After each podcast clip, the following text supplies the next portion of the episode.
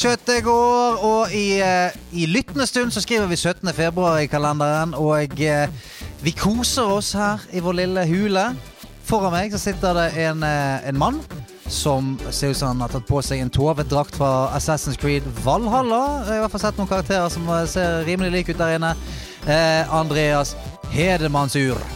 Jeg har ikke noe catchphrase denne uka her. Jeg skal bare si fy f*** i f*** for en f... drittuke fylt med k og f***skap fra ende til annen sånn. Da har jeg fått det ut av verden. Var det catchphrasen? Ja. Da har jeg fått det ut av verden, og så nullstiller vi og ser framover herfra, tenker jeg. Ja, kanskje vi det, da? For det har vært, eh, det har vært, eh, det har vært noe dritt denne uka. Vil du snakke om det, eller skal vi slå så så, som to, som to uh, uh, La oss late som vi er to følelsesmessig utilgjengelige menn nå. Ja. Og så sier han bare Skal vi bare slå en strek over det og ta en pils? Ja, for det er jo for oss begge Altså det er for oss begge to vært en helt forferdelig uke. Er du gal? En, en, uh, en livets dark souls, vil jeg si her. Og nå er vi, nå er vi gjennom! Ja. Vi nullstiller og begynner. Vi gjør det. Men eh, sant? eh, for å fortsette den analogien Det har vært en uke hvor eh, eh, drager har kommet fra intet og brent deg. Og eh, ja, altså livet har, har prøvd. All, alle ting rundt har prøvd å, å angripe. Mm. Eh, men det har ikke, det har ikke bitt på. Nei. Vi står ennå. Vi I'm still standing Looking like a true survivor. Feel like a little kid. Ah, der fikk, jeg kjente jeg hadde lyst til å synge hele den sangen. nå, For det var det Sant? Der hører vi, vi er fremdeles i gang. Ja da, livet, Eh, livet går videre, det. Og for de som hører på for første gang, mitt navn er Stian. Hei, hei. Hei, jeg heter Eh, Andreas. ja, Hei. det kan være greit å bare sånn, få det ut av veien. Mm. Eh, noe annet eh, vi, Vet du hva, vi driter i å snakke om Ja, hva som har skjedd denne uken. her Ja. Det driter vi. Nå Ja. kommer vi oss til, til nåtiden. Mhm. Eh, gleder du deg til de neste to timene? Åh, jeg gleder meg sånn. Det er jo um, et merkelig 2021 hittil. Det vil jeg si. Eh. Det er den største underdrivelsen eh, noensinne. Altså, det, det må vi Det har vært litt merkelig. Altså Kan folk slutte å si sånn Det er litt Det er en merkelig tid vi lever i. Ja. Det er den største underdrivelsen. Ja. Snålt! Det er litt Ja, sånn snålt å leve nå. Dette er på en måte uh, Når folk i vår generasjon passerer, så er det dette vi skal fortelle om. Altså De årene vi har stått i nå. Dette er på en måte vår andre verdenskrig. Ja. På en måte. Det er det som vi står i nå. Da. Så det er ikke litt merkelige tider. Nei, for jeg kan love deg at om sånn 10-15 år, når du skal fortelle om det, så sier du ikke sånn Ja, det var litt sånn snodig. Du sier det var en bøtte med reinsdyrbæsj. Det var det det var. Ja, det det var var hele den opplegget der. Men eh, mm. det jeg sikter til, er jo at sesongen vår har jo begynt litt eh, spesielt. Vi har jo fortsatt kunnet lage kjempefine episoder, men én etter én av gjestene har falt som fluer. For pandemiens uh, vingeslag. Det har vært snuftig, snufsing, det har vært feber, det har vært uh, såre halser. Mm. Og i de, denne uka intet unntak. Nei, det har vært, uh, vært noe snufsing her òg. Mm. Til og med snafsing. Så i dag morges så fikk jeg melding av ukens gjest som sa Min kjære er eh, dessverre syk. Eh, Jeg er litt snufsete selv. Burde vel ikke ta noen sjanser. Nei. Men vet du hva? Eh, av og til så kommer jo blessings in disguise. Ja! Og eh, vi fikk en knallgjest som eh, hoppet opp som troll av eske og sa sånn Hei, Faktisk den episoden som har hatt flest avspillinger på premieredagen. ikke tenk på det. Mm. Skal vi bare få den inn med en gang, eller? Ja! Ukens gjest er Ida Doris Joy! Fra Red Crew. Sjølveste. Selvesten. Takk for sist. Jo, nei, takk for, eh, takk for å være tilbake. Ja. Eh, Jeg sto på jobb i dag, pakka kaffe som vanlig, og så tikker det inn en liten melding fra, fra godeste Hedemann borti her. Og eh, heldig var dere med at jeg ikke hadde noen planer i dag. Det var vi. Det var vi. Jeg ble så glad. Nå er det jo en vanskelig tid å ha noe særlig planer i òg, da. Ja. Så Men-. Men hadde du en sånn dag eh, der du tenkte sånn hm, I dag, Det kommer ikke til å skje, skje så mye i dag. Litt, egentlig. Eh, tirsdag altså Når vi sitter her nå i dag, så er det jo en tirsdag. eh, og tirsdag er jo egentlig opptaksdag i Radcrew også. Mhm. eh, men eh, jeg er jo da hovedsakelig med på Radcrew Neon, Mhm. og det er kun annenhver tirsdag. Ah. Ja. Så denne tirsdagen var sånn herre Når jeg ikke har opptak, så er det alltid litt sånn Ja, nei, men da har jeg ikke noen plan.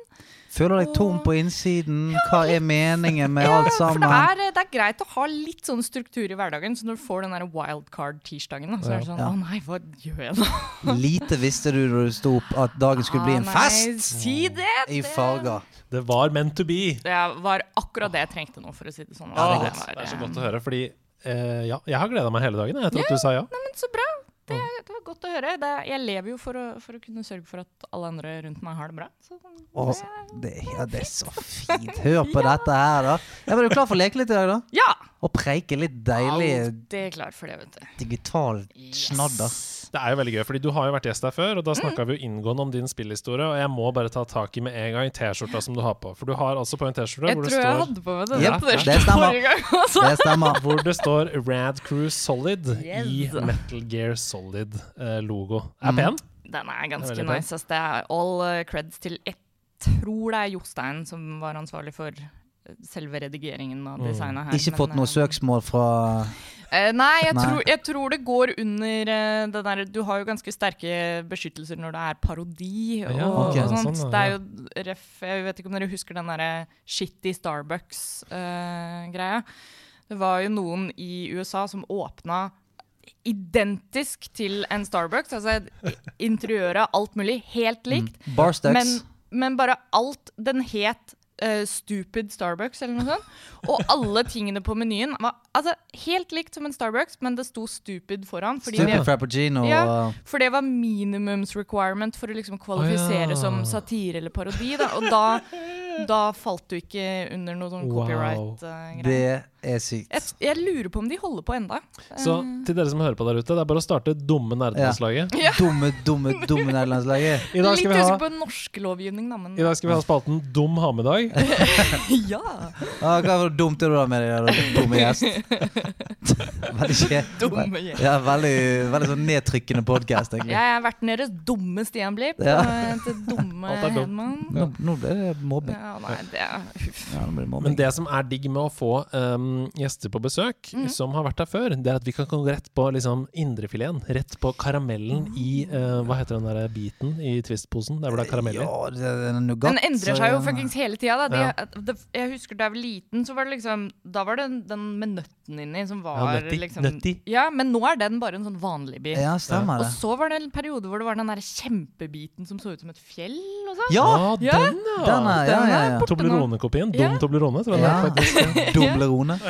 Nei, men uh, Så derfor så kan vi gå rett på det. Har du siden sist, altså nå har det gått et år, mai 2020-ish, er det noen høydepunkter? Er det noen spill som du har tenkt Wow, this was 2020? Ja, det er jo rett på tampen av den episoden jeg var med på, så kom jo kanskje liksom 2020s største spillopplevelse, og det er for mange. Det er jo Final Fantasy 7-remaken, da. Mm. Og det har vi ikke snakka så mye om! Nei, jeg snakker, jeg snakker Jeg litt det. Litt, men, eh, men ja, det, det var jo en, en kjempeopplevelse, og det Mm. har eh, Egentlig helt siden den så har det kickstarta litt hvordan spillåret eh, eh, har vært for meg eh, siden det, da. Mm. For det, det vekka litt eh, den uh, JRPG-kjærligheten i Mm. meg. Det, det var vel Jostein som gjorde meg eh, bevisst på det. Jeg har jeg tror jeg har vært on record med å si at jeg er sånn Jeg er ikke så glad i JRPGs. Det er, liksom, det er så mye menyer og ting man må sette seg inn i. Og jeg er historisk sett mer glad i, i liksom storyen i et spill. Mm. Eh, Det sånn game-mekaniske er jeg ikke alltid like glad i. Ja, for JRPG, eh, RPGs de har jo en tendens til å bare sånn Det er så mye systemer. Ja, Så- så- og det, man må, det kan bli litt sånn slitsomt. Så, så jeg har vært litt vokal på det før. At det er sånn Nei, vet du hva, det orker jeg ikke. Og så er det Jostein som var sånn Men Ida, se på sånn topp fem favorittspillene dine. Er det sånn Se på spillene du snakker om med meg hele tida. Fire av de er JRPG. Og det er, det er Final Fantasy 7. Det er Final Fantasy 7, Persona. Persona 4 og, og Dragon Quest 11. Uh -huh. uh, og ja, du kan vel slenge Persona 5 på der også. Ja. Eh, så, så jeg har rett og slett bare eh, gitt meg hen til, til at eh, JRPGs er uh, good stuff. Da gitt deg hen til uh, grindens Ja. overlord. Så nå har jeg, jeg har en sånn greie nå hvor jeg har uh, dedikert 2021 til JRPG-ens år. Oi. Eh, og skal jobbe meg litt gjennom JRPG som jeg ikke har spilt. Eh, Deilig. for det er ikke så mange. For det er hovedsakelig de jeg har nevnt, Mm. er, er de jeg har spilt. Ja. Og Pokémon og sånn, selvfølgelig. Men ehm, sånn akkurat nå så driver jeg og spiller uh, Krono Trigger. Oi, Ja, ja, ja, ja. For første gang. Kult. Det, det er egentlig stort sett det jeg har holdt på med siden jeg var med her sist. Det er liksom Spilte Final Fantasy 7-remaken. Elska det. det. Altså Det var bare helt amazing. Uh, det, det var sånn uh, Jeg har jo snakka mye om det på Rad Cruise, og dere kan høre hva jeg, mer om hva jeg syns om Hei, det hei, der. men, se hva du ehm, prøver på. Ja, For men, å høre eh, mer om hva jeg syns om Final Fantasy, hør på en annen podkast. Jeg kan i hvert fall trekke fram at det som jeg syns var uh, Selvfølgelig, man har jo sine egne sånn personlige biases med det, men det jeg syns var så imponerende, var jo nettopp det at det klarte å innfri. Fordi Ja. er det ett spill liksom kanskje un bar Half-Life 3, da. Er det ett spill som kanskje har de høyeste forventningene noensinne. At det var sånn Hvis dette spillet ikke levde opp til Ah, ting, så altså, Ja, ja. hadde Det kunne vært den minste lille greia. da Hadde liksom én ting ikke vært riktig i den remaken, så hadde det jo Det var, det var som det, eller, det er så mange som elsker uh, både det spillet og hele serien. Folk har et veldig eierskap til det. Så jeg, og det har jeg ofte Mm. Da- tenkt sånn Det å sitte og skulle lage det når alle, Ja. alle sånn Du, det der er babyen min. Og, Ja, ja. Og, også, og ikke bare det, men også det at forventningen om en remake har liksom vært der i alle år. Da. Altså, selv rett etter Final Fantasy 7 originalen kom ut i 1997, var folk sånn Åh, tenk deg å spille dette med PC-graphics, liksom. og, tenk deg, om- og så et par år senere, når PlayStation 2 kommer, så bare Eller vent, Play, jo, PlayStation 2. Og bare sånn Å, tenk deg om vi kunne spille Final Fantasy 7 på, på PS2. Og da, hver generasjon da, så har det bare vært Mm. snakk om det. Og da når, eh, når det endelig ble annonsert, så ble jo det også selvfølgelig sånn Oh shit. Mm. Altså, nå Og de skal skjer faktisk det. gjøre det. Nå skal de faktisk gjøre det. Og så ble jo vitsen også det at det var sånn Å, det kommer til å ta 1000 år før det Ja. kommer ut. Men det at det også, i midten av en pandemi Det kommer jo ut Ja, ja. Til ja, ja. scheduled Ja, tid. det er ganske sjukt, for det er ingenting som gjør det nå. Nei, nei. Og det var helt insane. Og, og jeg husker jo det, det var jo her i Norge også, så var det jo hele den greia med at det ble jo sluppet på Elkjøp sånn par dager Stemmer før. det, stemmer det. Eh, fordi de var sånn OK, vi har fått det, og må- vi har fått tillatelse til å begynne å selge det. Men vi kan ikke annonsere det. Nei. Nei. Eh, så jeg kjøpte det jo da den helga før det egentlig skulle komme ut. Og da, når jeg sto der med spillet i hånda, så var jeg sånn Altså, det her det stemmer jo ikke. Det, det, det, nå er jeg en drøm, eller det er et eller annet glitch in the matrix her nå. Fordi det var så sånn uvirkelig, da. Eh, Jeg skal bare si at det, det er jo den første gangen på sikkert fem år jeg har gått i en butikk og sagt sånn Har dere fått det inn? ja. Og fått det i hendene og var sånn Wow! For ellers har jeg, jeg har nesten utelukkende kjøpt ting digitalt. Ja. Mens her var det bare sånn her må du gå der for å få, få tak i det. Ja. Og det var Jeg savner den følelsen. ja, altså. det var litt sånn ja. magisk. Og den der forventningen på vei til butikken. Du sitter i de bilen og bare Ja. rister. Men ja, det skulle jeg også si, da, at da den traileren kom på E3, mm. og f.eks. for eksempel. Oh Carl Martin i Level Up, han filma jo seg selv Ja. mens han så det, og du ser han begynner nesten å gråte, og han sitter og rister. Men da gikk det et sånt kollektiv gisp gjennom hele verden Ja, ja. på likt, for det var sånn Det er fortsatt to this day, hvis jeg har en dårlig dag, så er det bare å gå på YouTube, søk på Final Fantasy 7 Remake Reactions, og så er det gjort. Ja, Liksom. det er da, altså, det, er, det er bare sånn pure, unrefined joy å se uh, Det er én spesifikk en, jeg husker ikke akkurat, men jeg tror det er sånn den topp som kommer opp. Da er det sånn her De sitter i et litt podcast-studio à la det her. Og han ene bare hopper opp på pulten, og han ene sitter der og strigriner. Og det er bare sånn Å, det er så deilig! Ja, sånn det skal være. Altså. Det er samme som eh, Det er vel um, Skyward Sword, tror jeg, E3-reaksjonen på den. Den er også krem trenger du et, eh, en, eh, en god dag, så er det bare å søke opp det. ass. For det er noe med den der kollektive gleden, Ja. i, særlig i nerdemiljøet, føler jeg, Det er noe sånn helt eget. Men bare for å ta tilbake eh, kjapt, mm. du sa du spilte Krono Trigger. Ja. Det er på Switch? Uh, jeg spiller det faktisk på iPaden min. Oh, ja. Kan du spille på iPaden, altså? Det finnes ikke på Switch ennå. Oh, eh, som egentlig er litt weird, for det er jo Det er jo gjerne de to gigantene som nevnes, da. Er liksom uh, Final Fantasy 6 og Krono Trigger er de som nevnes som er sånn Det er de beste eh, JRPG-ene noensinne. Mm. Og det er jo der erke det, det er liksom Jeg føler det er JRPG-versjonen av Star Trek versus Star Wars, Ja, på en måte. Ja. uh, mm, men Og jeg hadde jo tenkt å spille det på Switch, fordi Switch i mine øyne er den perfekte JRPG-plattformen. Jeg er helt enig. For det er sånn, du kan spille det dokt på TV-en når det er liksom kule bossfights og, og, og story og sånn. Og så kan du ta den ut, og så kan du se på en TV-serie mens du grinder. Det er sånn, Ja. det er helt fantastisk. Den Perfekte konsollen for det. For er det et sånn 200 timer pluss uh, Nei.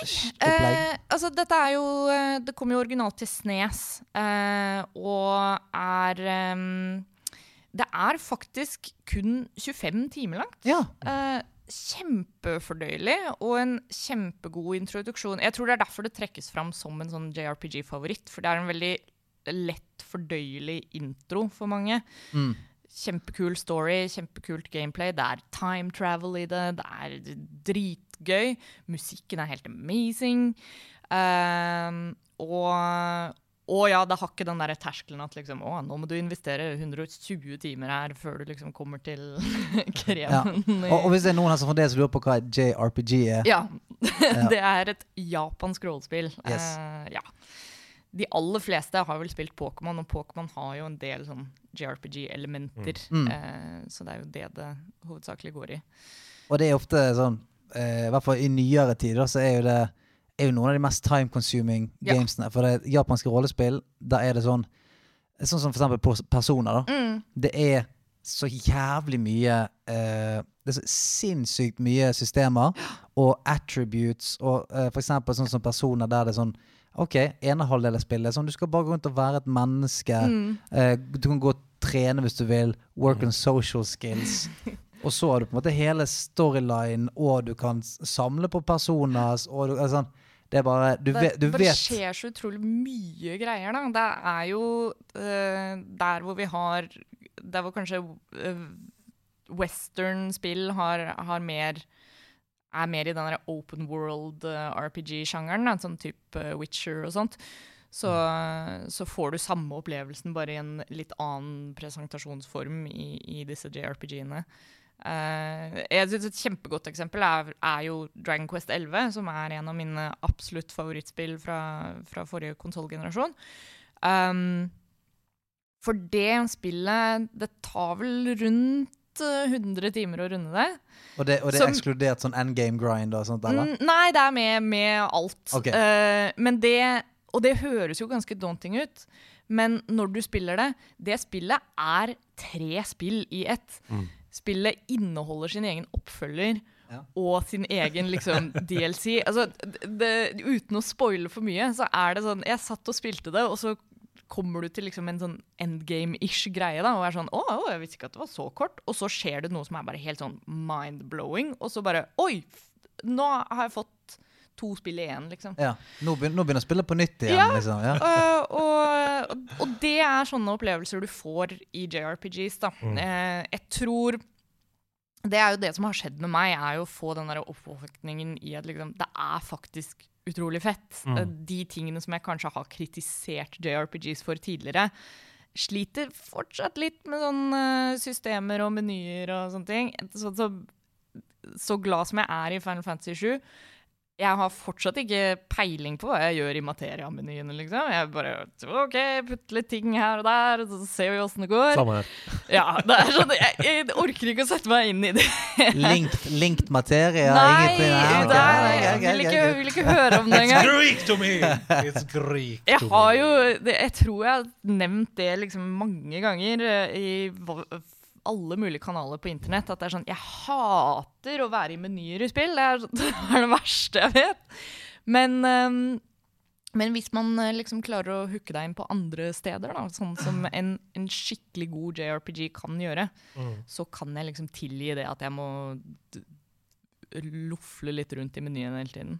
Og du som er så uh, glad i Metal Gear Solid og Ja. Kojimas verker, du er Ja. jo litt sånn Du er vel åpenbart også glad i at måte, spillet spiller deg litt òg, da. Ja, det er jeg veldig, veldig glad i. Og det, det er jo det som Det som uh, gir meg noe ekstra da, i en skikkelig god JRPG, er jo nettopp det der med historiefortellingene. Altså, du kan få så genuine karakterer, og du kan få så utrolig sånn um, En av mine favorittspillanmeldere, Tim Rogers, eh, fra, tidligere fra Kotaku, Uh, har en helt sånn fantastisk beskrivelse hvor han snakker om at disse spillene ofte har en sånn hang-attitude. Eh, Uh, Hang attitude. Ja, spesielt Final Fantasy 7. Da, at alle disse karakterene har en sånn kvalitet som gjør at du har lyst til å bare henge med dem.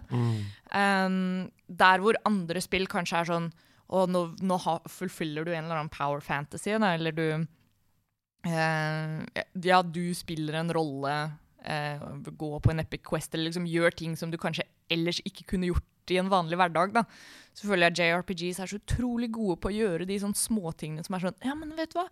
Sånn som Persona. da. Å, nå skal jeg gå og spille basketball med kompisen min, liksom. Og, så, og så bruker du tid på det i et spill, og så tenker du kanskje at OK, her kan jeg velge et spill hvor jeg kan gå Slay Dragons, liksom. Eller så kan jeg spille basketball med kompisene. Ja, for Det er jo det som er gøy med, med personer. For det, Der er jo du en gjeng med ungdom, Mm. ungdommer som går på skole og gjør ting. Sånn, sånn, hver dag foregår sånn. Du må på skolen, og så eh, må du gjerne svare på noen spørsmål i timen, og sånn, og så skjer det et eller annet. Så da er, eh, er det ofte sånn OK, om, om 14 dager da må du ha gjort denne tingen der. Ja. Men du kan gjøre det nå, og du kan kule den litt.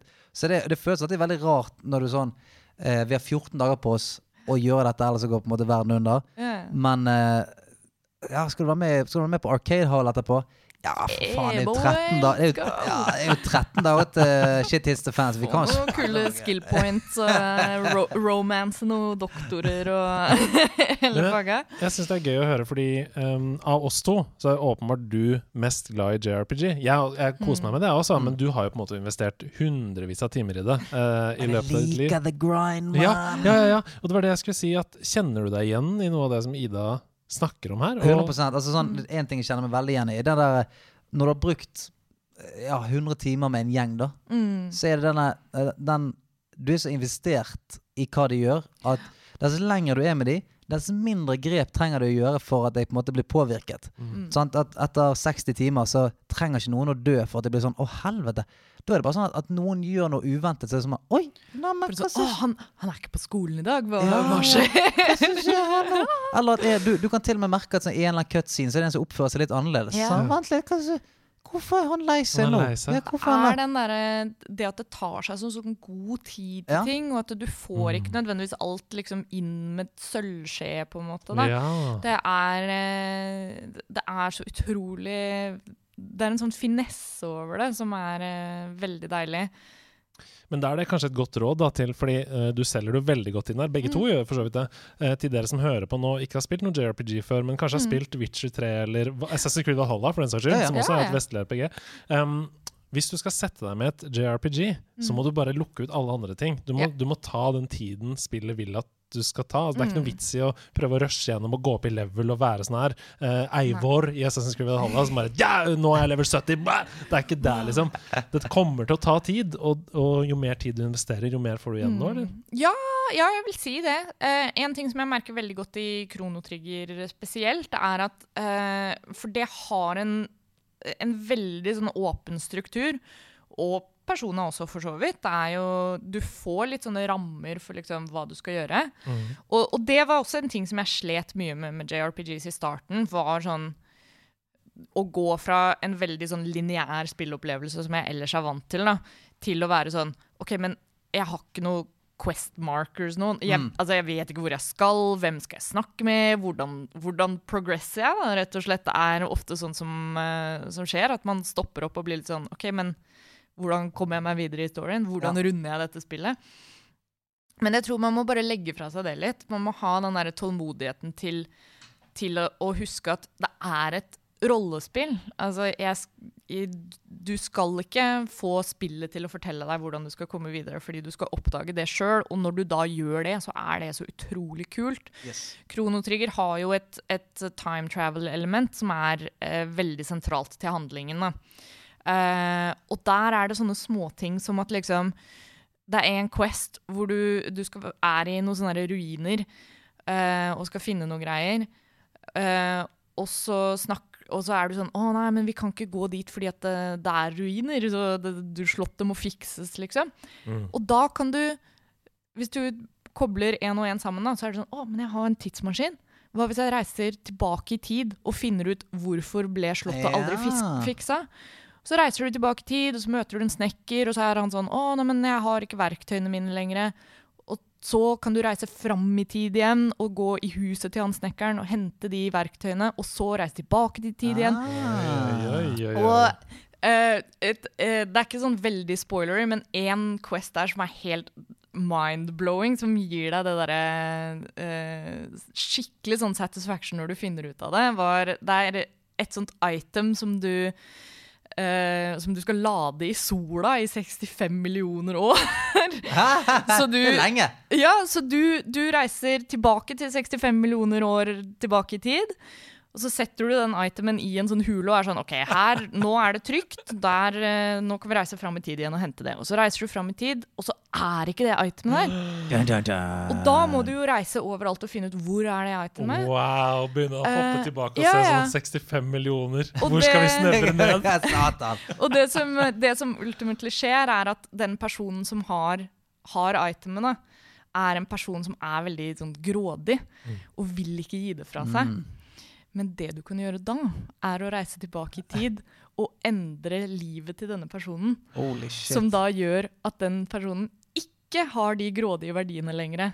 Wow. Og så kan du reise tilbake, og da er han sånn Å, å jeg skjønner at dette er et item som er veldig viktig for deg. Da, her, vær så god. Men det er, Det sånn er så fantastisk! Ja, Det, altså, det er bare JRPG som har gitt meg den følelsen. At Ja. sånne litt sånne mundane tasks på en måte kan føles så utrolig mye større. Men den der følelsen av at sånn Stolte spillet på at jeg skulle klare det aleine? Ja! Hæ? Det er Altså, altså jeg, bare, jeg klarte det, men hæ? Forventet de at jeg skulle skjønne det der? Ja, ja. Men det, men det er det som også er gøy, er at JRPGs rewarder deg litt ekstra for det faktisk rollespillelementet. da. At der hvor andre Der hvor du har sånne open world-spill som har veldig tydelige quest markers for liksom, å ja, det er denne NPC-en du skal snakke med, og sånn. En JRPG er sånn her Nei, vær så god, du kan snakke med absolutt alle i denne byen. Jeg skal ikke si hvem det er som har riktig info, men uh, det må du finne ut av sjøl. Mm. En kjempekul dynamikk på akkurat det i Dragon Quest 11. Den uh, sånn superversjonen som er uh, Det er den versjonen som er ute på Switch nå. Ja. Den har en sånn modus du kan skru på for høyere vanskelighetsgrad. Eh, hvor en av tingene du kan skru på, er at NPC-ene lyver til deg. Helvete. Eh, sånn at, at, Wow. at du kan få feilinformasjon. da. Men hvordan kan, irriterende. Ja, hvordan kan du avgjøre hva som er ekte og sånn? Nei, det er det du må gjøre, da. For, for det er jo det, ja, det det, er det, bare som da er, det er jo det som da er hard-moden, på en måte. For da, for da kan du ha da kan du ha det der at det er sånn Å, du må snakke med innbyggerne for å finne ut hvor du skal reise neste Quest, eller noe sånt. Og så kanskje de sender deg til helt feil sted. Tenk om det hadde vært, si, tenk om det hadde vært sånn i Sea of Thieves. Du skal opp til North West, og så reiser du i tre timer oppover kartet. Og så bare yeah. Nei, det var South Jeg East! tuller. Men det er jo Du- Hvorfor det stolte du på meg? Jeg kjører over. Jeg er full i drit. Og en annen, eh, en annen feature altså Dragon Quest 11 er et fantastisk spill, og hard mode i andre spill har mye å lære av, ja, ja. av Dragon Quest 11. Fordi én ting er å bare skru opp vanskelighetsgraden, Ja, men en annen ting er for eksempel. Ja, ja. Men en annen ting er å implementere ting som gjør at du må tenke strategisk annerledes. Da. En annen ting som du kan skru på i, i hard mode, er um, at, at partyet ditt, eller noen av karakterene i partyet ditt, kan bare randomly uh, få sånn shyness. Hva, hva for noe? Uh, ja, altså, de- ja, at de kan bli ja, blyge, da. At de blir sånn herre Nei, jeg vil ikke fighte nå. Og så må han- og så må han unge. Nei, Ja. jeg vil ikke spise middag Så, i dag. Du så skal du, få is så du, du kan, jo, du kan jo planlegge partyet ditt strategisk etter sånn Å, jeg må ha med han her tanken her, og jeg må ha med hun magen her, og sånn. nei. Og så kan du plutselig havne i en bossfight hvor det er sånn Nei, nå kan du ikke bruke meg. Nei. Og vet du hva? Jeg, fuck den hard moden der. Jeg hadde aldri spille den. Jeg hadde blitt så steik forbanna. Oh, det er ganske mye crazy ting som Ja. du kan Wow. eh, Sånn, bruk, bruk denne ultimaten din. Jeg vil ikke. Nei. Jeg gidder ikke. Ja, det er magisk. Ok, Ja. Så 2021 er altså RPG-ens år for Ja. Ida Doris. Det er det. Jeg skal, spille ferdig Kronotrigger nå. Jeg er snart ferdig. Og så har jeg, jeg har fått en hel bøtte med anbefalinger. Problemet er jo tid, da. Yep. ref det vi har sagt. Yep. Nå, Det liksom, hvis du skal bruke 120 timer på ett spill, Mm. Spørs det hvor mange jeg rekker i løpet av året. Men, eh, Men da har du kanskje svart også nå da, på hva du spiller nå om dagen? Det er vel kronotrygger det er du kronotrigger hovedsakelig. Går litt i, eh, i Animal Crossing fortsatt. Mm. Må liksom eh, holde byen min gående. Eh, og så Hva er hard mode der, da? At, det, at de som bor på øya, plutselig bare begynner å rive ting ned. Ja, så, ja. Ja. Hard mode er vel eh, å rett og slett bare sånn starte byen din på nytt igjen, eller eh, Det der, et det der lånet sånn, ditt renter seg noe eh, jævlig. ja. 37% rente på lånet. Men jeg så, at det var, jeg så at det var meta på hvilke innbyggere som er mest Som Ja, er best å ha på øya si. Ja, ja, ja. Det, altså, hvis du går skikkelig sånn inn i Animal Crossing community, der er det mye crazy shit. Altså, det er eh, Det var jo en periode i Animal Crossing Wild World, i hvert fall, på DS. Der var det jo et sånt kjempeproblem, fordi når de starta det online eh, Eller du hadde jo sånn at du kunne besøke andres byer og sånn. Og da var det folk som hadde sånn cracka DS-er og sånn, som besøkte andre byer og bare ødela de. Du kunne plassere Aha, sånne så- grief items og sånn, så som bare gøy. gjør at alt ble helt fucka. Kjempegøy. Ja, så gøy, da. Men det er jo også direkte grunnen til at veldig mye av de tingene som, som New Horizons har fått kritikk for eh, med online-spillinga, Mm. det er jo bare et resultat av at de må sikre seg Ja, ja, det mot Mm. det der. Så Ja, for du er ikke noe keen på å liksom ha, ha båndet en, eh, en, en papp med vin nei. en kveld, så bare Vet du hva, nå skal jeg ut, og nå skal jeg ut og lage litt faenskap her. Nå skal jeg fucke opp Ja. alle øyene. Oh, du har- liksom Du har laget Roma. Du har laget en, en direkte eh, eh, gjenspeiling av Roma. Vi får se på det. Yeah. Og så våkner du dagen etterpå med switchen under hodet. Hva var det jeg gjorde i går? Jeg tok flyet Jeg til den andre. det siste jeg husker, jeg hus, siste jeg husker sa 'kjør meg hvor som helst'. Jeg er klar for å lage noe faenskap. Det siste jeg husker. Ok, så JRPGs og uh, Animal Crossing. Ja, og så har det Jeg har snust litt på om jeg skal spille Death Stranding en gang til. Ja. Eh, det, jeg vil det, jeg òg. Etter det vi snakka om, etter vi om uh, å se det spillet i lys av covid-situasjonen. men det er nettopp det jeg tenkte på også. Er at, for det er et spill som bare ikke har forlatt uh, headspacet mitt siden jeg spilte det, egentlig. Mm. Liksom Stadig vekk i løpet av uka så er det sånn Å, nei, men det, det. Ja. det er en Jeg må ting, og liksom og, ja, og litt som du sier, i lys av hele covid-situasjonen, men, men også Jeg har tenkt mye på bare i lys av sånn internettsituasjonen Ja, generelt. ja, En ja. ting som, som jeg føler jeg ikke satte like mye pris på når jeg først spilte det, men som har liksom sittet og, og stura i, i hodet mitt, er det at eh, alle online-interaksjoner i Death Stranding er uh, utelukkende av positiv natur. Det er Altså, du kan ikke du kan ikke sende noen sinte meldinger. Du kan ikke uh, Ja, altså, det er, det er ikke noe liksom sånn toxic online-shit. Nei, det er sånn, Nei. Hvis noen har satt opp en struktur, så sier du Ja. 'faen, dritbra, du har satt opp Du en kan, du kan bare gi likes. Ja, ja. Du kan bare liksom gi gjøre om å gjøre så mange likes du klarer innenfor det der, det der Og jeg tror femsekundersvinduet. kroneksempelet der er jo Det var jo et par uker etter launch hvor det ble så problematisk at folk drev og satte ut sånne griefing-ting. At liksom du plasserte broer eller bi- biler og sånt, og stengte veier og sånn. Mm. Men det som skjedde da, var jo at da kom det jo en patch Mm. spesifikt sånn anti-griefing som gjorde at det er umulig å gjøre da. Mm. Og bare det, bare det liksom positive um, Mm. elementet, da, eh, har vært så sykt fascinerende å tenke på, nå, særlig nå som vi er i en så sykt digital hverdag eh, ikke bare på tross av tiden vi lever i, men sånn generelt, så, Ja. så er det så interessant å bare få eh, se den der meldingen som Kojima prøver å hamre inn i hodet vårt. At det Mm. er sånn, du har et ansvar for å, for å sørge for at du skaper et positivt space rundt den. Ja, og du har et ansvar for at ok, verden er divided, Ja.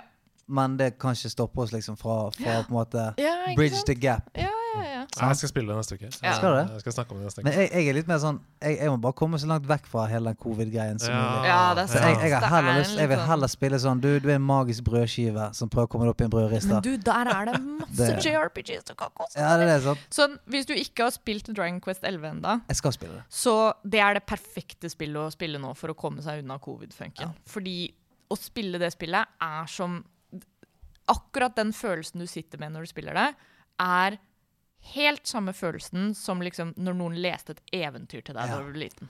Og all, all musikken er litt sånn rappa-rappa, Ja, ja, og det- og er- er magisk. Og alle karakterene er sånn, du blir så glad i dem, og det er bare en sånn derre jeg, tror ikke det har gått Siden jeg spilte det, så har det ikke gått én uke hvor jeg ikke har tenkt å, nå har jeg lyst til å spille det. Åh, så gøy. Det er sånn det skal være. Det må sjekkes ut.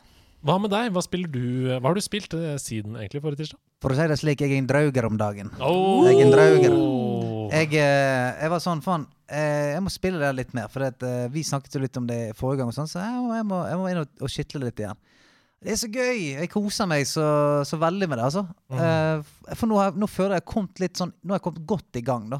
Mm. Nå har jeg fått tatt og stiftet litt sånn allianser, og nå er jeg liksom Nå føler jeg at Nå kan jeg litt verden her. Jeg kan Jeg har noen jomsvikinger på laget, og det, det er god stemning. Mm.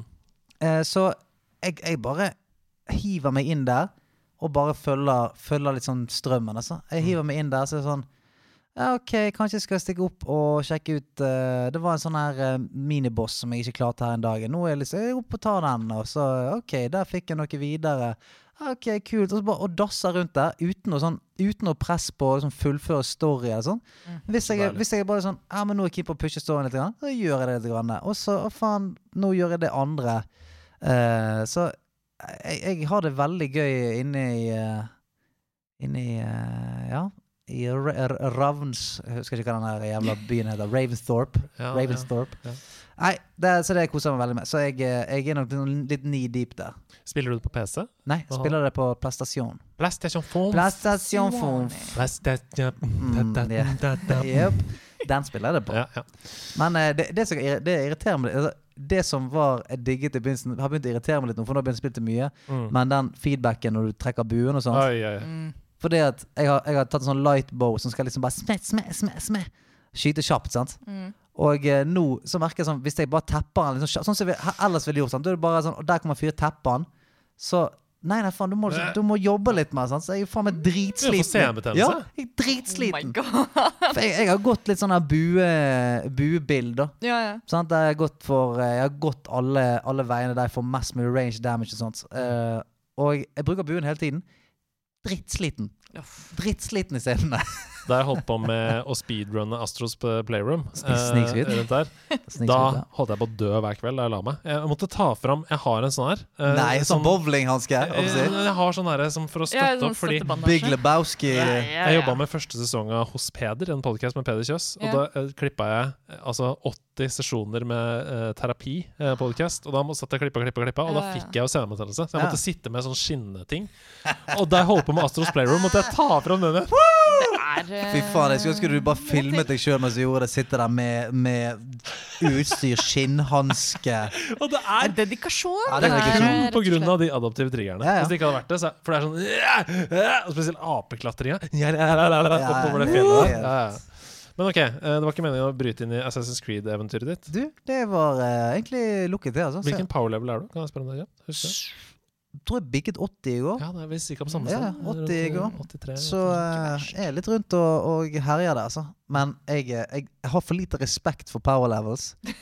For jeg tenker alltid sånn Ja, men det der er jo bare sånn veiledende for noobser. sant? Ja. 150! Ja, ja, akkurat det. For det, det kommer sånn eh, Etter hvert i spillet så Det er jo, har jo gått igjen i noen Assassin's Creed, men du får jo et slags sånn en bounty på deg. Yeah. Det er noen sånne jævler som er sykt powerful, og hvis de ser deg, så skal de ta deg. Zealots. Zealots.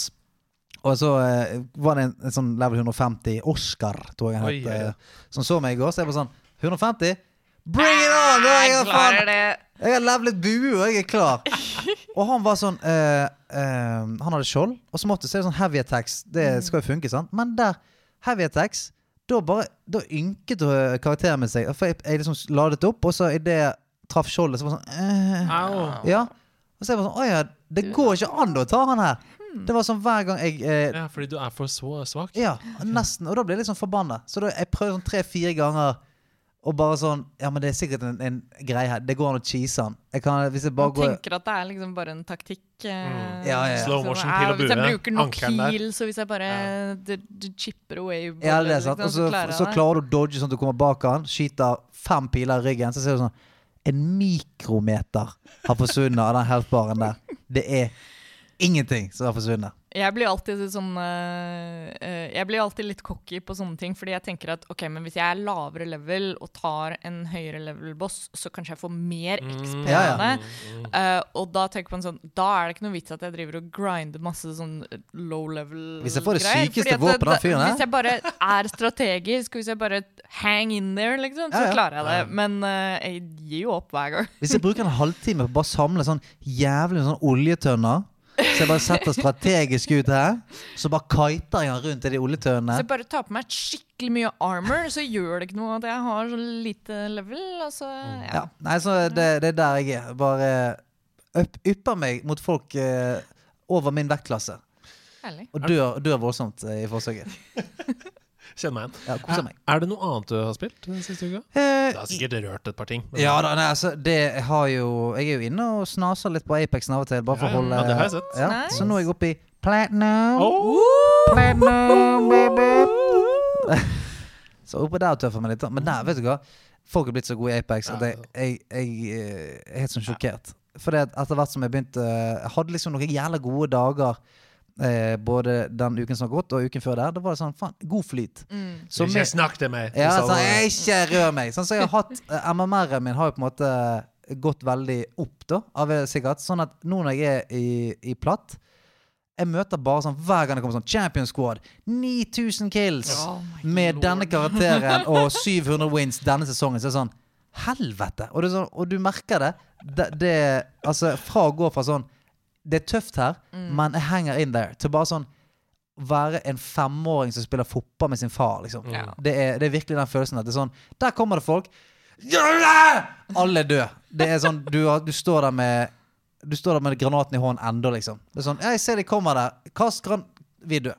Du har ikke, det er ikke noe du skulle sagt. Altså Det er som du sier, da femåring som spiller fotball med faren sin. Ja. Det eh, eller moren. Der vedkommende har full kontroll. Ja. Altså Det- De spiller med deg. Det er Ja. ikke du som spiller med dem. Vi er tilbake til power-levelet. Det, er så- det, det er sånn Det er samme greia. Ja, ja, det er bare sånn Det er ikke sånn at hvis jeg bare finner en taktikk, så er det sånn Ja. nei, nei, Nei, nei. Det er bare Jeg møter siste bossen, Ja, og jeg er level 1 med tresverd. De ser gjennom vegger, skjønner du. Så du har ikke sjans. Nei, nei. Det, en. Det er jo det sånn. som er problemet med, med den type spill og, og den type stats. Det er at liksom, ja, selvfølgelig dere kan være i samme liga på en måte fordi dere har begge opparbeida dere nok XP, men, men hvor mange timer har dere hver Ja. i, spillet? Liksom? Er, det snakk om folk som bare sitter og spiller Apex? Det er det eneste spillet Ja, ja. spiller, liksom. Så er det sånn Skal du bli straffa for at uh, du har lyst til å ta et par timer i Valhalla? Ja, ja, det.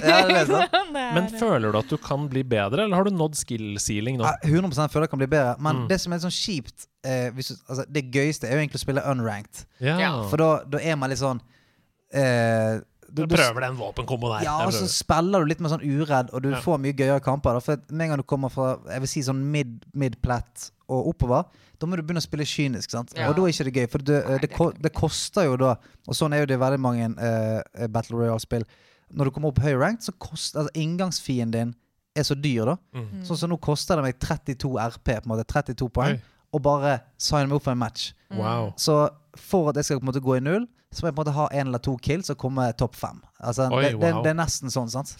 Så Ja, det svir. ja, sånn at du, du Det er ikke sånn 'Å, her borte er det skyting, skal vi bare stupe inn og, bare, og teste oss?' Så det blir gjerne Men- mye mer sånn Ja, det, det, det, Fordi det er jo det som kalles for ladder anxiety. anxiety. Ja. At, at du Ja. vil heller bare stå der du er, enn å risikere å gå ned. ja, ja. på en måte.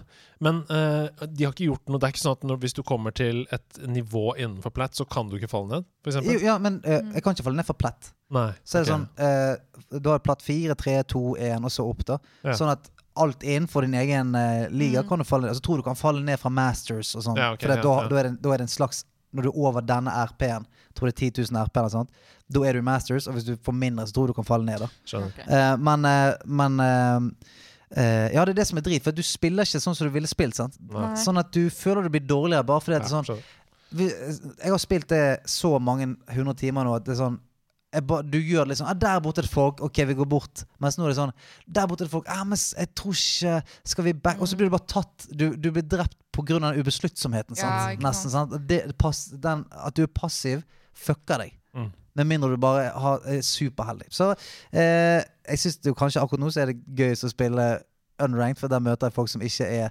mutanter. Skapt i et laboratorium for å spille Apex. Herlig. Ja, jeg har jo på en måte tre go to-spill nå. Ja. Eh, og er kan jeg få tippe? Kan jeg tippe? Mm. Valhalla, selvfølgelig. Du. Og så har du Å, du eh, Heartstone?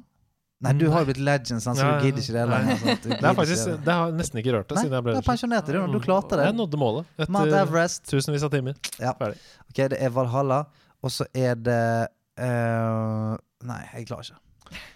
Ja, Sea of Thieves. Ja, du er inne der. Ja, Ja. Og så er det Overwatch. Så det er de tre Ja. spillene som jeg på en måte har go to. Men jeg har spilt to nye spill denne uka her som jeg har lyst til å snakke om, fordi Ja. de tre spillene har vi snakka mye om. Ja. Og det Kan jeg bare Et kjapt kontrollspørsmål. mm, Har du blitt mer blodtørstig etter at jeg var med Ja. deg på sjøen? 100 Og Det er eh, godt å ha litt dårlig innflytelse på folk. Sneak og jeg vi eh, kom i en uh, situasjon. Vi holdt på å flykte. Tenkte de kommer til å jage oss for evig. Mm. Vi må snu. Det må bli kamp. Vi døde. Men uh, vi prøvde i hvert fall. Så eh, ja, det har blitt mer blodtørstig. Ok. Jeg har begynt å spille. Dette er, det er så sjukt. Dette slår aldri feil.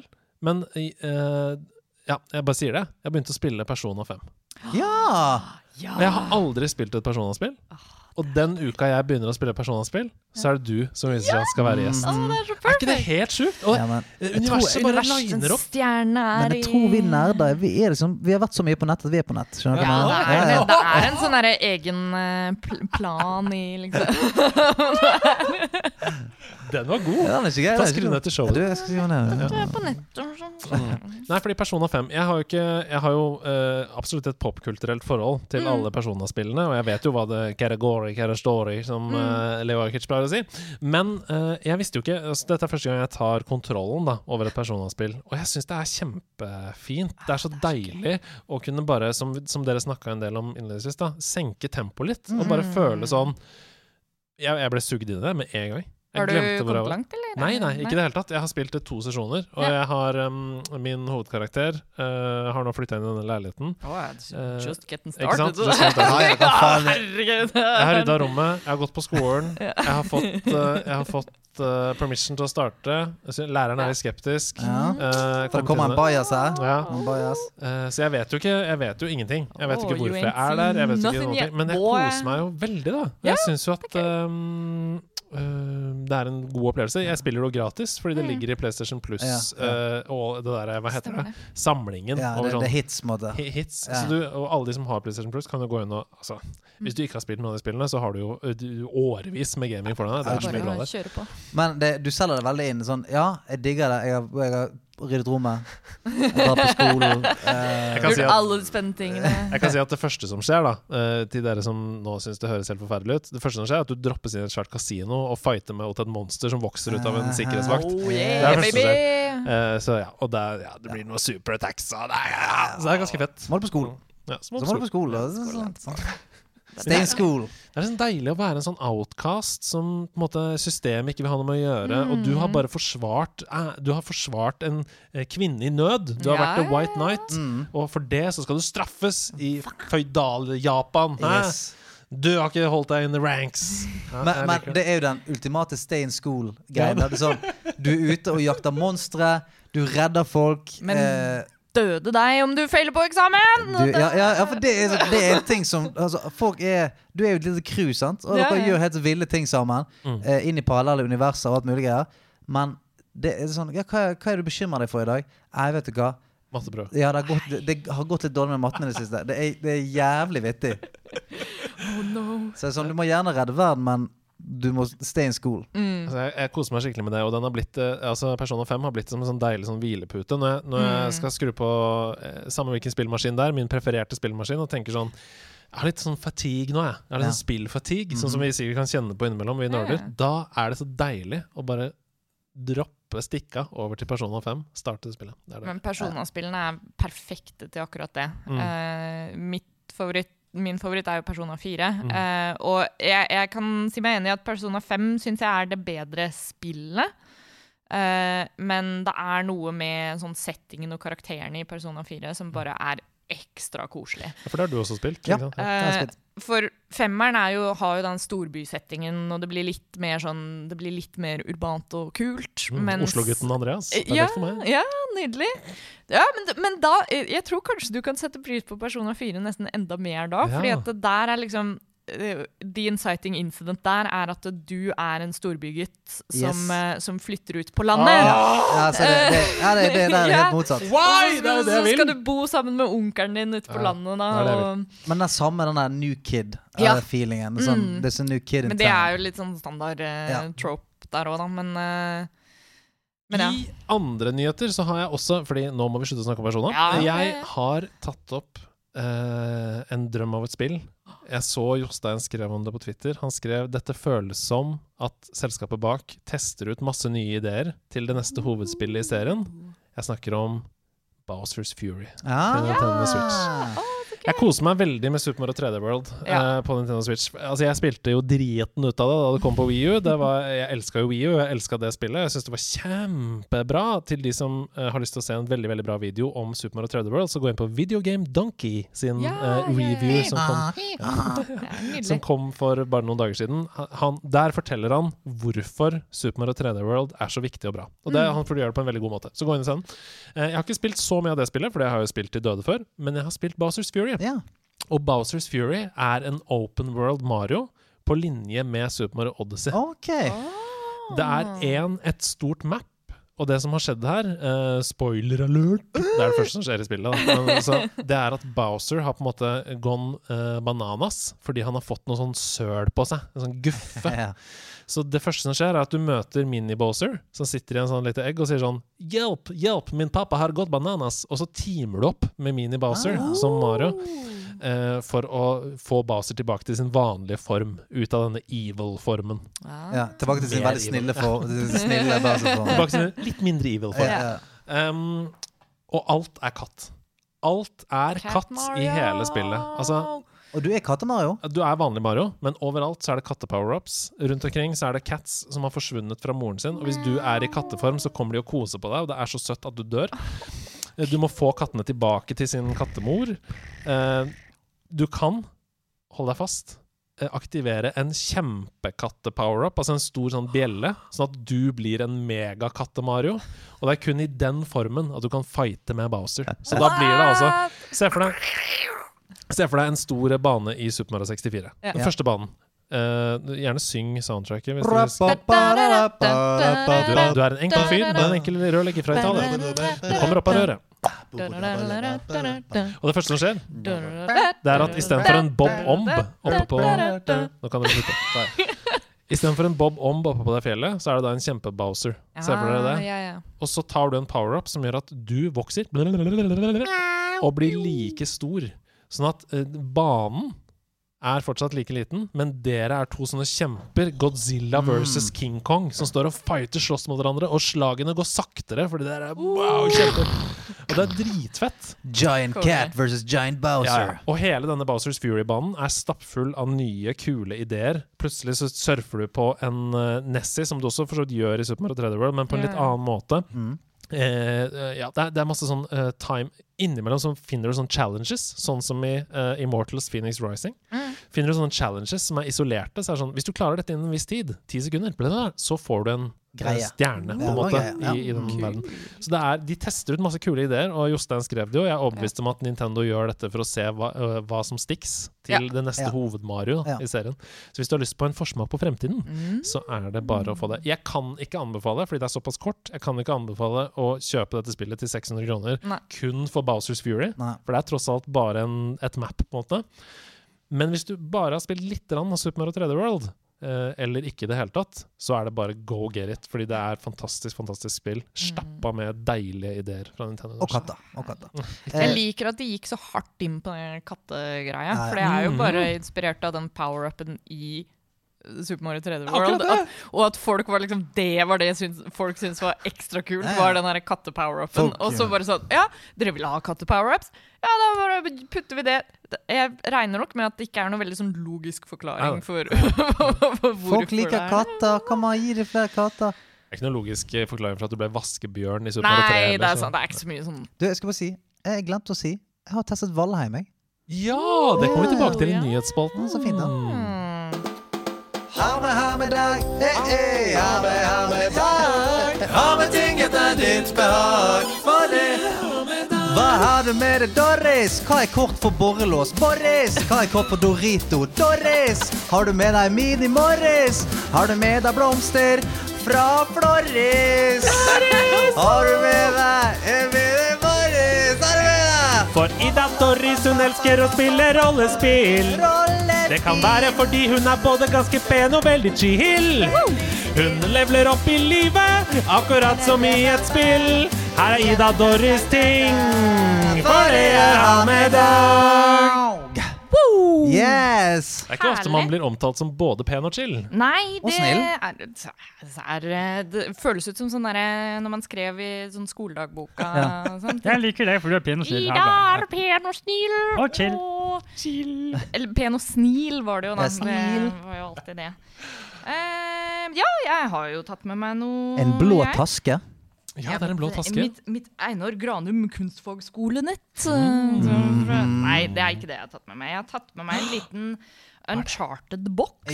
Ja. Eh, som kanskje i- seg sjøl ikke er sånn, sånn veldig imponerende. Kjempefin. Jeg har ikke sett den før. Eh, Er det den- noe det er fordi det finnes bare 2150 av den i hele verden.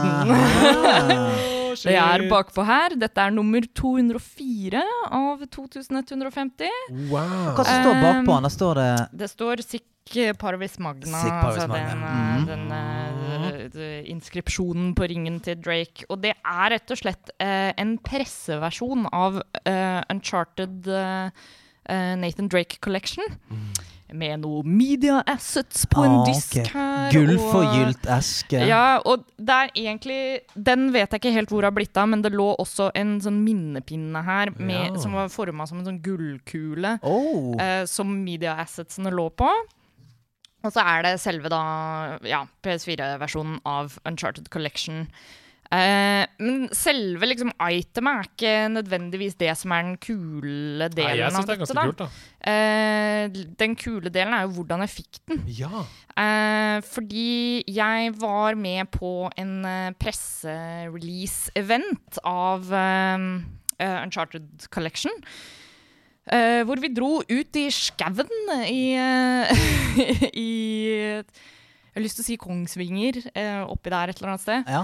Eh, og satt og grilla i skogen med Nolan North. eh, stemmen til eh, Nathan Drake. Så jævlig tidlig. For det var det Eh, han ville gjøre.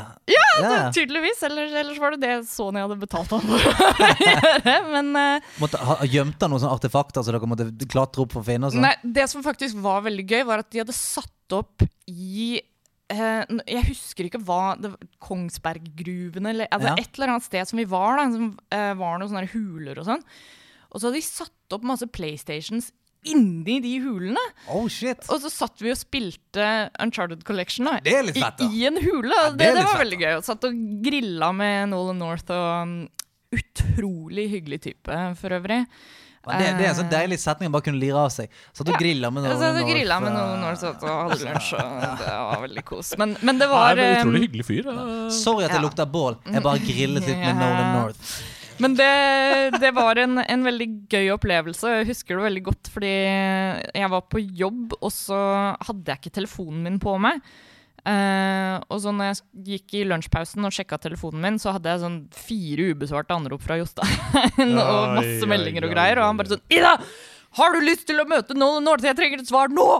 Uh, og jeg var sånn What? Hva Ja, skjer her? Holland. For jeg er jo Radcruise liksom eneste korrespondent på Østlandet. Eller nå er vi flere, da, men at the time mm eh, så var jeg den eneste på Østlandet. Og da var det sånn Vi har fått tilbud om å dra på dette, og da Og tenkte jeg på deg først, fordi én, du er den største Uncharted-fanen her, og én, det er du som er Ja, ja. Og to, det er egentlig bare du som kan ja. gjøre det. Men Og, øh, men ja, så da, og da fikk vi denne kolleksjonen. Det her var jo Og det som jeg syntes var så gøy med det, var at jeg gleda meg så fælt til å spille de remastera versjonene. Og det var greit nok å, å dra på denne eventen og få testa det ut. Og så fikk vi noe sånn annet stæsj, og så var det i bussen på vei tilbake, da, så lå disse i setet.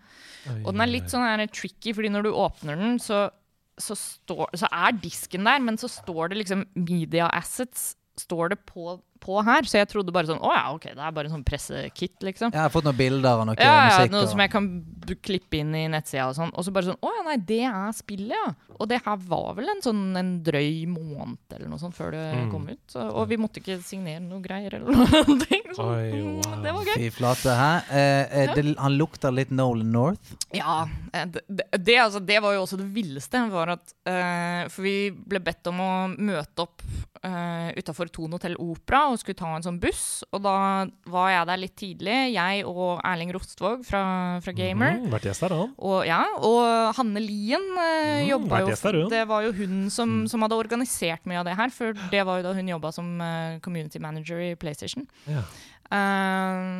Eh, så møtte jeg de to utafor, og så står vi der og prater litt. Da, og så plutselig så bare hører vi en sånn stemme bak oss, og så, bare, og så snur jeg meg, og så er Nolan North der! På bussen! Og jeg hadde jo ikke jeg hadde liksom ikke mentalt forberedt meg på at uh, OK, jeg skal møte han, og jeg skal Ja. intervjue han etterpå. du skulle bruke liksom. bussturene på liksom, Jeg jobbe skal, litt ikke, opp. jeg skal ikke stå her og smalltalke med Nolan North, liksom. Det var, ikke, det var ikke planene mine.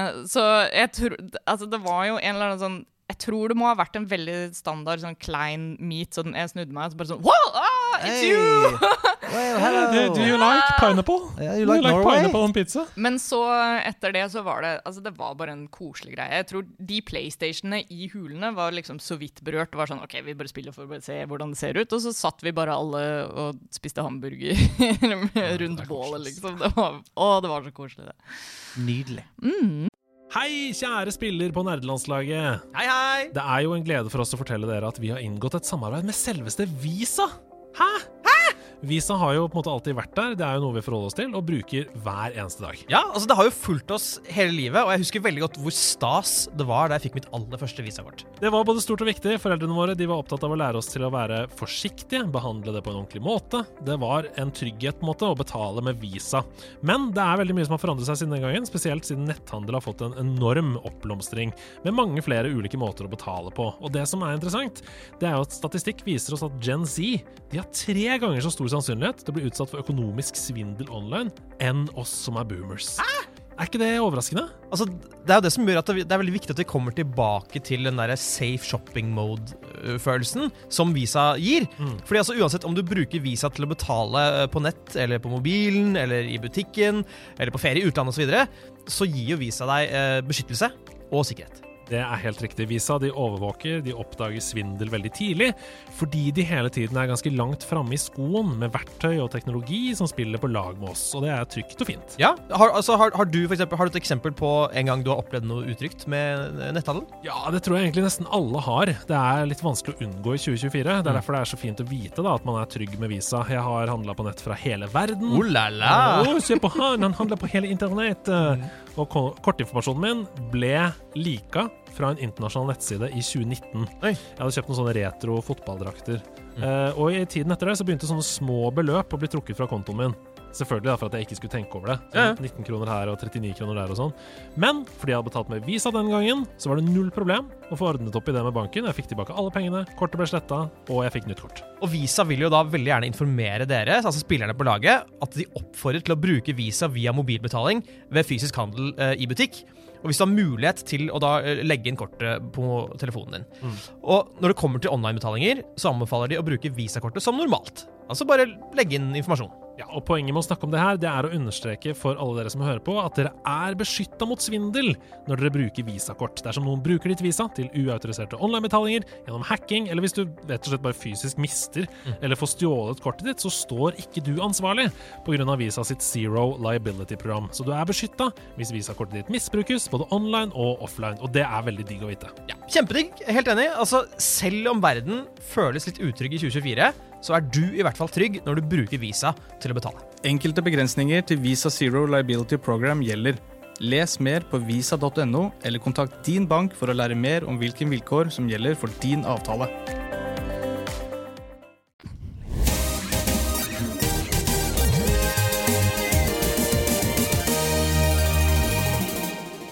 Nok en uke har passert i nerdeland, og vi er tilbake med Nerdedagsrevyen. Eller skal vi kalle det Spillrevyen? Det er en rivaliserende podcast. Vi kan ikke kalle det for Spillrevyen. Kall det nerdenytt, da. Vi det er jo tilbake her med Nerdenytt, som vi jo kalte det forrige uke. Skjønner hvorfor jeg ikke Nei, ikke kalte det ikke denne uka. Vi er Nerdenytt! Ja, det har skjedd mye denne uka her òg. Ja, vi sa det. Ja. Og først ut så var jo du så vidt innpå det i stad, men Valheim Ja. Dette spillet som ikke en levende sjel hadde hørt om før det plutselig hadde blitt releasa, tar jo fullstendig av. Helt sykt. Altså, de har jo allerede tjent sine penger. De nesten eh, Altså De har jo nesten ikke brukt en krone på promo, og i sin første uke på Steam så solgte spillet én million Yes. eksemplarer. Og jeg Yes. elsker sånne historier. Og tror de fremdeles har sånn nesten 200 000 Altså, det sånn har recurring players. I skrivende stund så har det 30 000 anmeldelser. 96 er positive. Uh. Og de har eh, Dette er de nyeste tallene.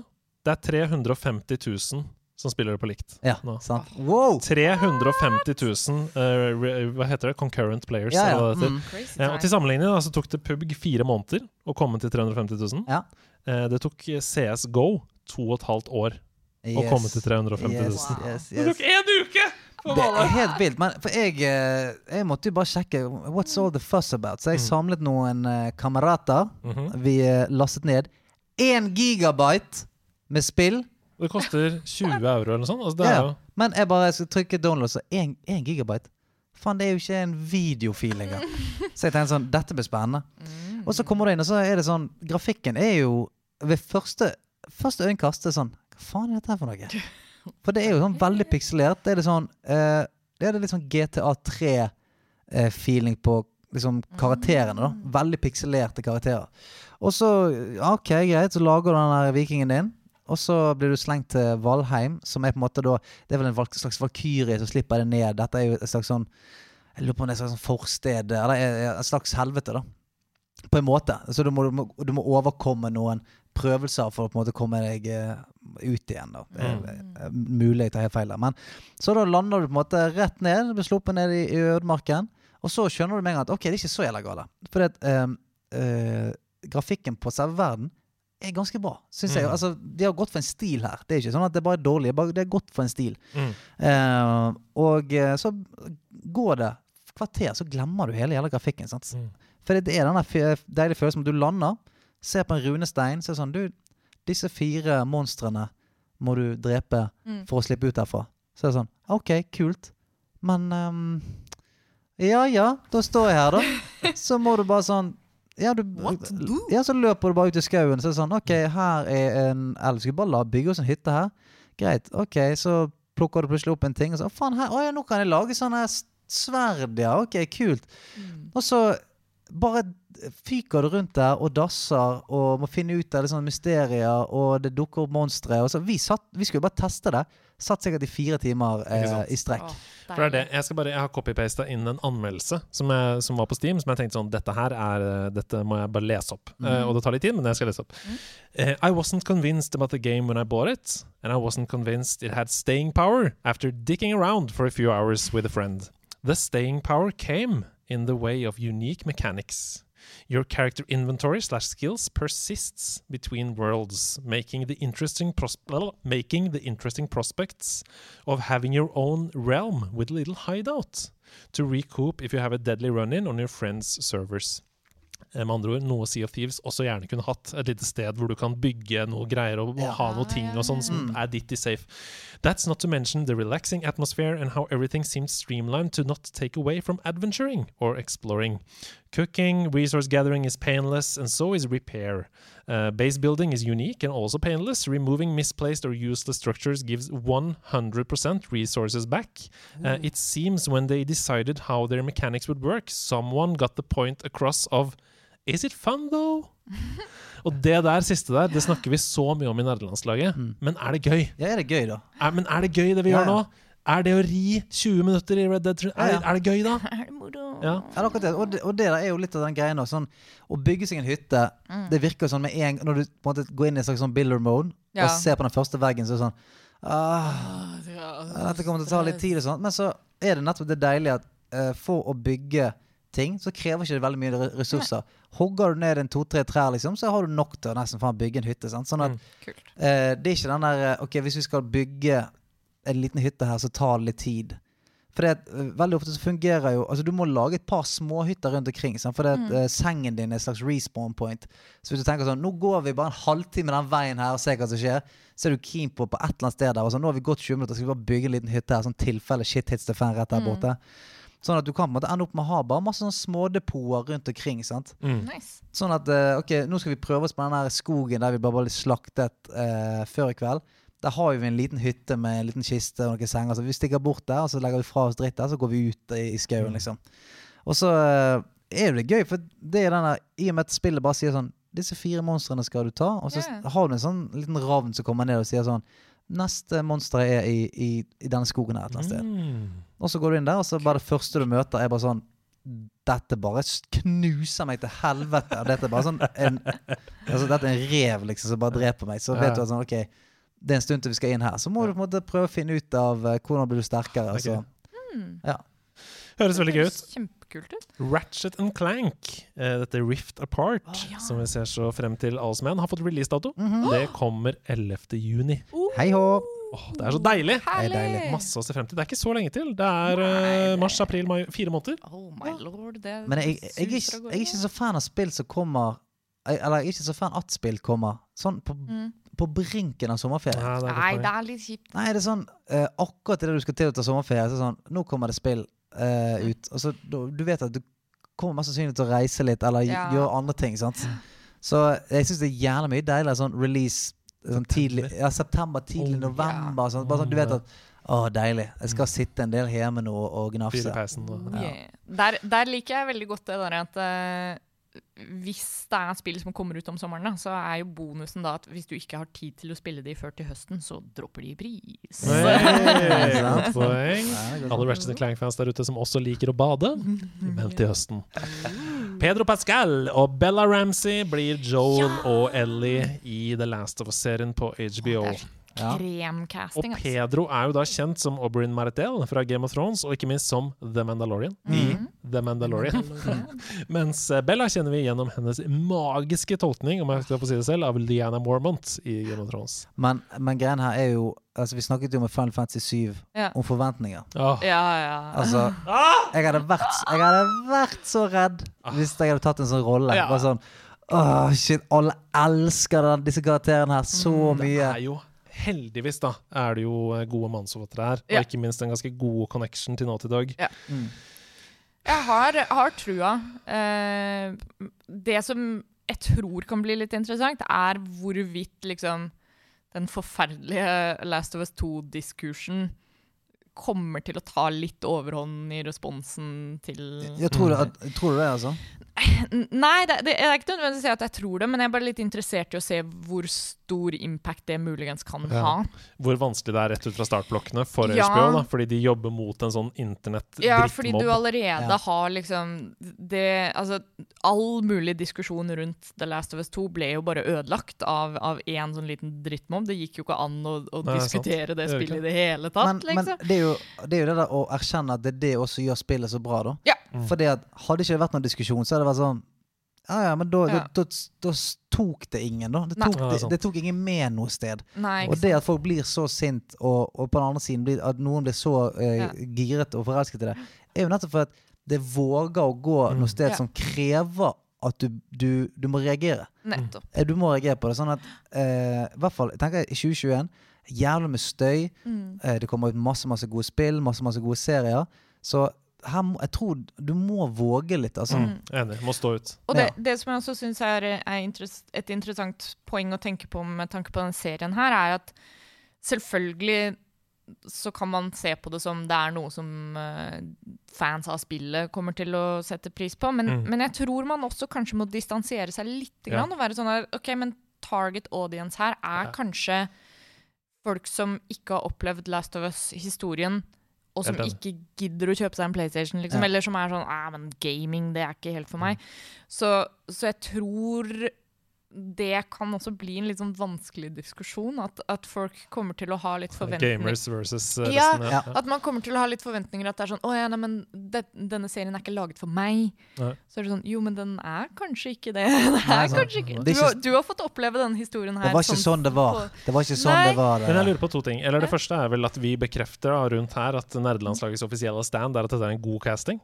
Ja, det syns jeg. Ja, Jeg syns, jeg syns jo særlig hun eh, Bella, er det det hun heter? Mm -hmm. Bella det er jo altså eh, Som du nevnte, hennes tolkning av en Mormont i Game of Thrones er jo kanskje liksom Det beste, det det er ja. audition til, til å spille. Ellie. Altså, du, hun viser at hun kan ha den der litt sånn sterke, opinionated, ung dame-rollen. Uh, så jeg, jeg syns hun passer helt perfekt. Når jeg leste så var det sånn her, Oh my god, det Ja, kunne enig. ikke vært noe bedre, liksom. Men det andre jeg lurer på, det er uh, Har det blitt be- eller avkrefta om, om det skal være en eh, adaptering av historien fra spillene, eller om de skal lage en historie som er i universet til The Last of Us, men som er en helt annen? Fordi det håper jeg. Det håper jeg Ja. veldig, det siste. Jeg tror ikke de har eh, Jeg jeg bare føler det- sagt noe særlig om hva det skal være. Det, altså, det er jo fortalt så mye Ja. Mm. at jeg skjønner ikke hvordan jeg skal klare å liksom, spinne seg rundt det. Da må jo, altså, ja, jeg Ja. klarer ikke helt å skjønne hvilken storyline de skal gjøre. For det, Mm. i løpet av eneren og toeren så du får så mye tilbakeblikk, du får så mye, Ja, du får så mye Mm. story og, og Lauren rundt eh, I hvert fall eh, alle hovedkarakterene her ligger jo der, på en måte. Mm. Så det, du, du kan ikke kødde for mye, det, eh, for mye med det uten at det blir sånn Ja, men nå har de bare tatt liksom Laget en annen story. Ja. Jeg håper virkelig at de greier å beholde den feelingen eh, og connection til karakterene som er i spillene, og at det ikke blir bare yet another zombie-serie, liksom. Ja, Ja. Walking Dead 2.0, liksom. Nei, det, det kan det jo ikke bli.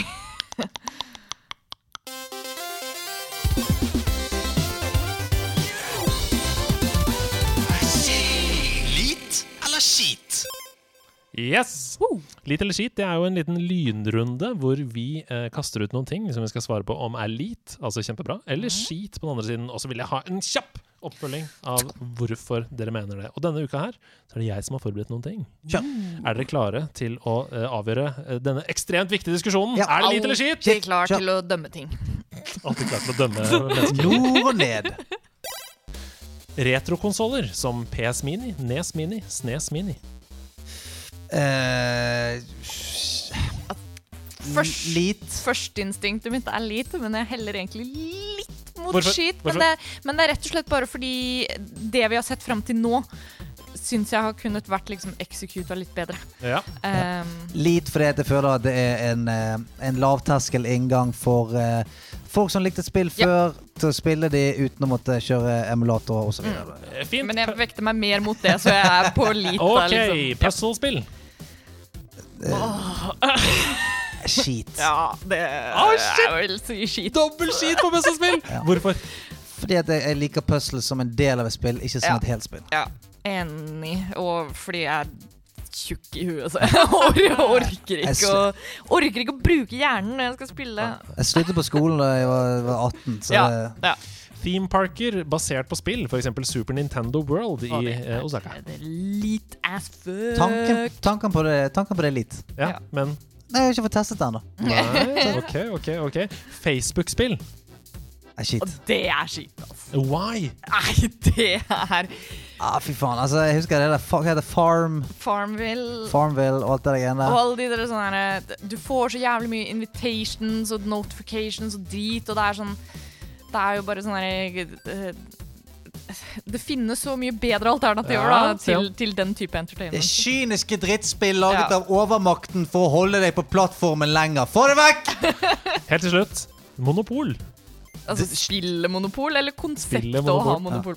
Det, monopol er litt Fucking shit. Oi, Nei, vi har deg! polariserende meninger. Hvorfor er det litt? Hvorfor er det litt? Det er lit eh, OK, jeg skal calle det med en gang. Jeg vil si at det er lit av de grunnene Stian skal nevne nå. For Det er hyller kapitalismen! Det hyller kap og grådigheten! Jeg vil ha mer! Jeg vil ha flere gater, og dere skal ha mindre. Hvis dere kommer på mine gater, skal dere gi meg penger. Jeg skal ha alle pengene! Det hyller den oppførselen der. Ja, det er Punktum! Eh, Endrer du? Endrer du? Ah, nei, jeg, jeg, det er vel litt sånn rosenrøde briller som gjør at det blir litt sånn Tusen takk for at dere spilte lit eller skit. Dere får ikke mulighet til å forsvare meningen deres i Høyesterett. Ha det bra! Nydelig.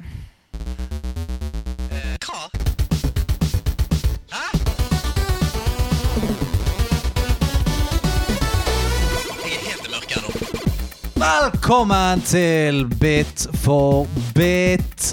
Vi har eh, smarte hoder som har funnet ut at eh, eh, lydsporene til Super Nintendo De blir spilt av hver for seg, men samtidig. Så eh, en sang er bare fire forskjellige lydspor. Og vår eh, mester her borte, vår Bit for bit-mester, eh, eh, nerdens Ivar Dyrhaug, skal nå spille av litt og litt av en sang, og meg og Dorisen skal se om vi klarer å, å finne ut av dette her. Yes. Ikke sammen, men mot hverandre. Mm, bit for bit. Eh. Deilig ordspill på bit på bit der. Og jeg må korrigere, for det er ikke kun Super Nintendo. Det er hele Nintendo-universet, så det kan være flere andre oh, konsoller er også på bra. Nintendo. Oh, å, ja. eh, Men jeg stemmer det? Ja, det stemmer. Så det kan være Nintendo 64? Eh, Det vet jeg ikke, Kan men det jeg vet at det kan fra- fra Super Nintendo og bakover. Så det kan være Gameboy, det kan være Nintendo. Kan være. Sant. Ja, ja. Ok, her kommer den første tracket i den første oppgaven. Er dere klare? Husk å rope navnet deres. Ah, ja.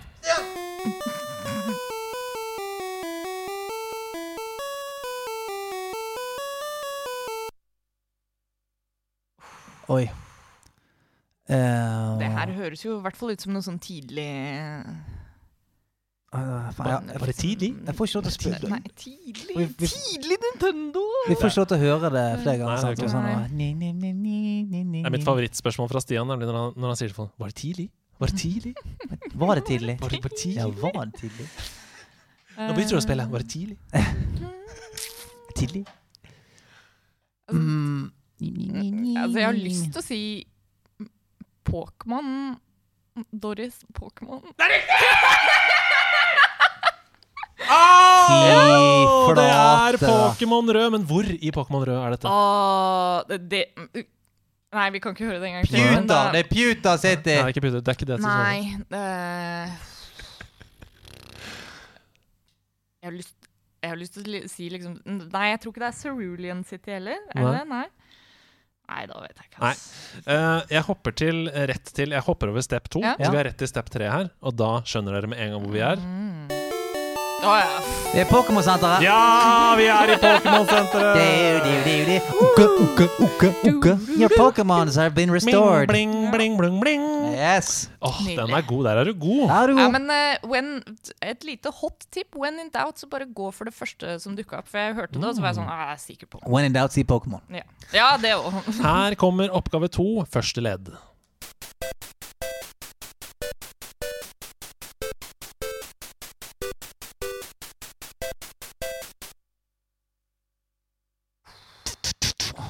Mm-hmm. Det her må jo være en eller annen sånn plattformer av noe slag, i hvert fall. Det har veldig den derre Jeg føler den lyden, den er bare i, i plattformspill. Ja. Eh, ja. Jeg kan si at eh, dette, denne oppgaven Det er Kjaus i nederlandslaget som har Mhm. funnet ut av dette og laget hele greia. Denne Mhm. oppgaven kom litt fra sidelinja. Eh, ja, altså den, den ble putta inn i mappa etter at vi startet denne serien. Så det kan hende at denne bryter litt reglene for det dere er vant med. Hva faen? Skal det bety? Ja, nei, nå er det tull og tøys. Vil dere komme med et svar? Skal vi gå til ledd to? Eh, Ja Animal Crossing. Det er ikke Animal Crossing. Nei, det er det ikke. Nei, men, when in doubt, Animal si noe Crossing. shit. Ja, ja, hva sier du? Uh, nei, jeg, nei, jeg har ikke noe godt uh, Her kommer andre oppgave.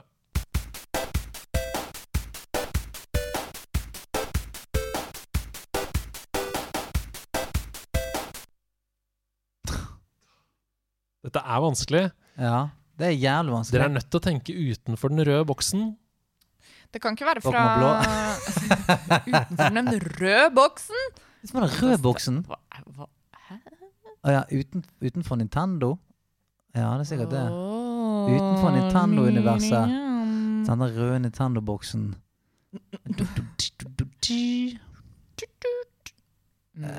Så ikke Nintendo? Hva er faen er det for noe psycho-greier, da? Det er ikke, det, det er ikke liksom det derre Å, hva er det det heter? Det um, Nei, det er ikke et eget spill, men det er vel en del av det. det I Er det, det, er derre det, Mario-musikkspillet hvor du kan lage sånn Mario Nei, det er ikke riktig. heter den der Billy the Kid eller et eller annet sånt? Nei, det er ikke riktig. Ok, dere. Uh, her kommer siste oppgaven. Husk å rope navnet deres da eh, når dere vet hva det er. Å, Doris! Nei, faen! Jo! Å, jeg vet jo hva det er. Å, må nå fikk jeg helt sånn jernteppe. Uh, det er Sonic. Det er riktig!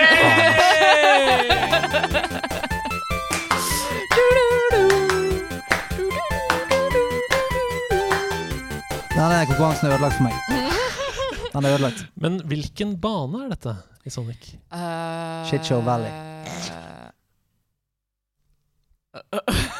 Nei, det er Green Hill Zone. Ja, det var eh, den, det. første, den første banen. Ja, Ida! Det ble altså to eh, av to mulige på deg. Ser man det? Ser man det? Hva tenker du, Stian? Nei, altså, eh, når vi begynner å skifte spillereglene midt inni her, at plutselig kommer Sega inn og Nei, jeg jeg, jeg, Jeg beklager, jeg liker det ikke. men jeg dro den med, for den var så kjent. Ja, nei, jeg liker det ikke. Liker ikke dette greiene. Da går vi i hvert fall videre til noe dere begge liker, for nå skal dere samarbeide, og vi skal til en japaners univers. Oh, yeah!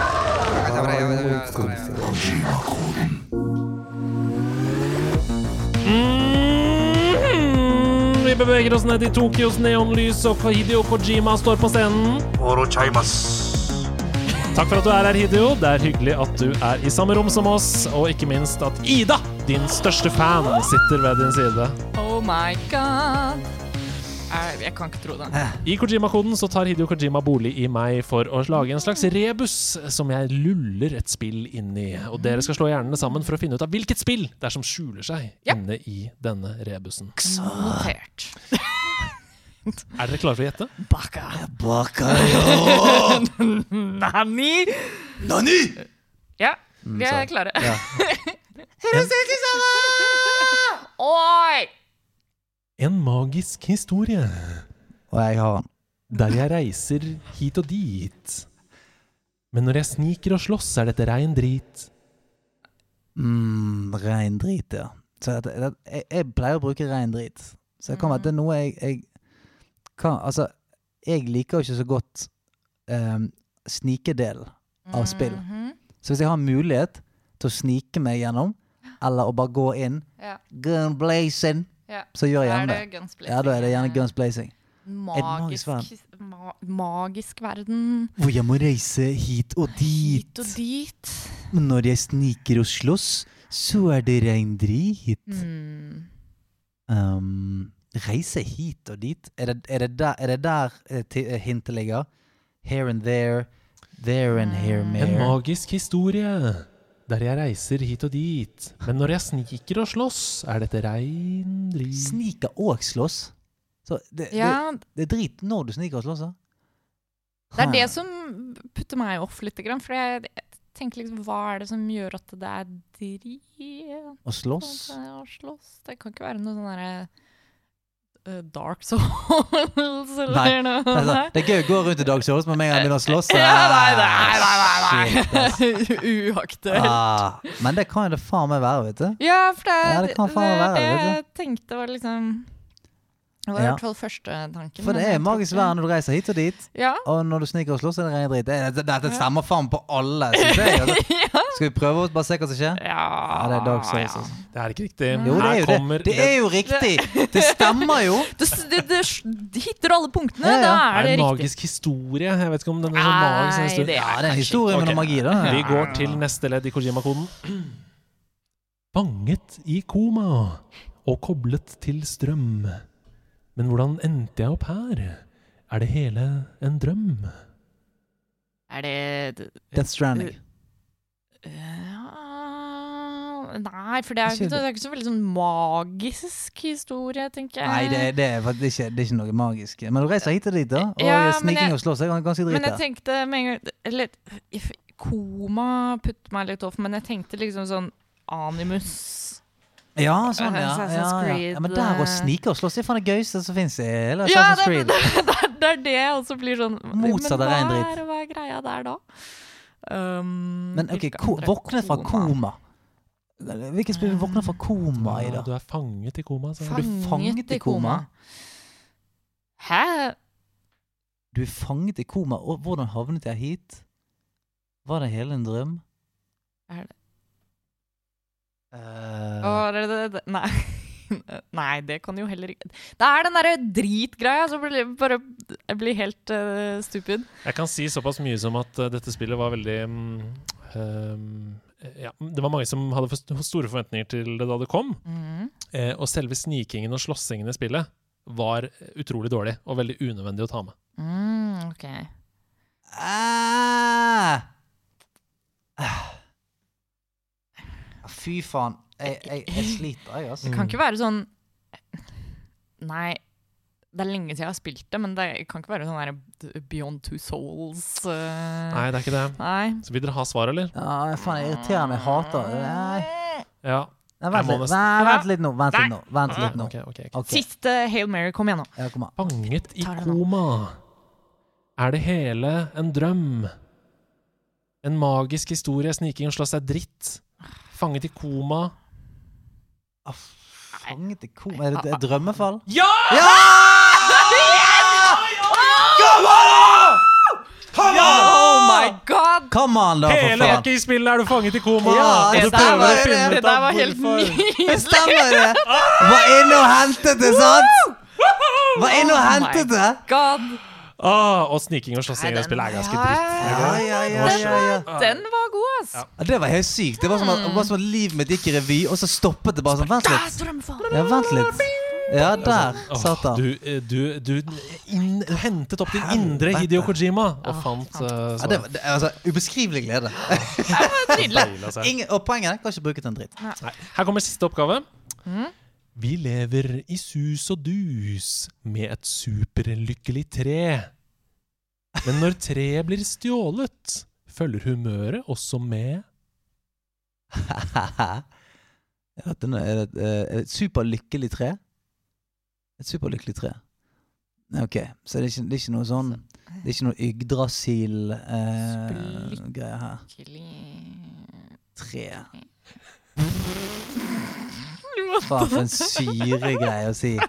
Vi lever Ta første setningen. Lever i sus og Lever i dus. sus og dus med et lykkelig tre. Vi lever i sus og dus med et superlykkelig tre. Men når treet blir stjålet, følger humøret også med. Å, herregud. Super happy tree. tree. Hæ? Super Happy Tree er riktig. Super happy tree? Nei. Nei, det er ikke, det er ikke spillet, men det er det. Det er det som blir stjålet. Super Happy Tree. Super happy tree. jeg trodde det var sånn. Er det spillet Super happy tree? Super happy tree. Super happy tree. Ja, skal dere ha ledd to? Ja. Ja, gjør det. Nå må en ny generasjon kjempe seg i vei. Det blir en diger babykamp fordi en skilpadde gikk lei. Hva faen er dette for noe?! Og, eh, det her er jo sikkert Bowsers Fury. eh, Og det, det, det, det, Super happy tree? Skilpadde gikk lei? Ja, for det er det jeg tenker. At det er liksom Og kampen Oi, vent litt, vent, vent litt nå. Vent litt nå. Ok, sant? Uh, hvilket, hvilket, Mario-spill er det hvor alle de små Bowser-babyene Ja. uh, Jo, det er vel Odyssey? Er det Odyssey? Nei, nei, det er de der kaninene og sånn. Um, Ja, for det er, jeg mener husker, det er ma- men de. Bowser-babyene, det er vel eh, Er det, er det Super Mario Land eh, For det er Super- det er Mario, Super vet du. Mario Det er 3, Mario. Super Mario Bros. 3 Men kamp mellom babyer på en skilpadde i klei For det, du, du tenker at Bowser er en skilpadde? Det er det? Det du tenker nå? At han er, han er en skilpadde? Og ikke en slags at, Bowser er basert på en skilpadde. Ja. ja. Ja. For nå, nå er det bekreftet at det er Bowser. Det jeg vil tenke, tenke en, slags, en slags drage. Uh, han spruter ild og Men uh, det er greit, det. Jeg tror vi er i Mario Vi er- vi er i Mario-sfæren. i hvert fall, men eh, Her kommer hele en gang til. Ja. Vi lever i sus og dus med et superlykkelig tre, men når treet blir stjålet, følger humøret også med. Nå må en ny generasjon kjempe seg vei. Det blir en diger babykamp fordi en skilpadde gikk lei. Uh, Baby Mario. Ja, det er, er det det derre um, Er det ikke det ene Mario Luigi RPG uh, Det som kom på DS? Heter det? Men det var jo et spill som het Baby Mario, var ikke det? da? Eh, det er Partners in Time, eller hva den heter.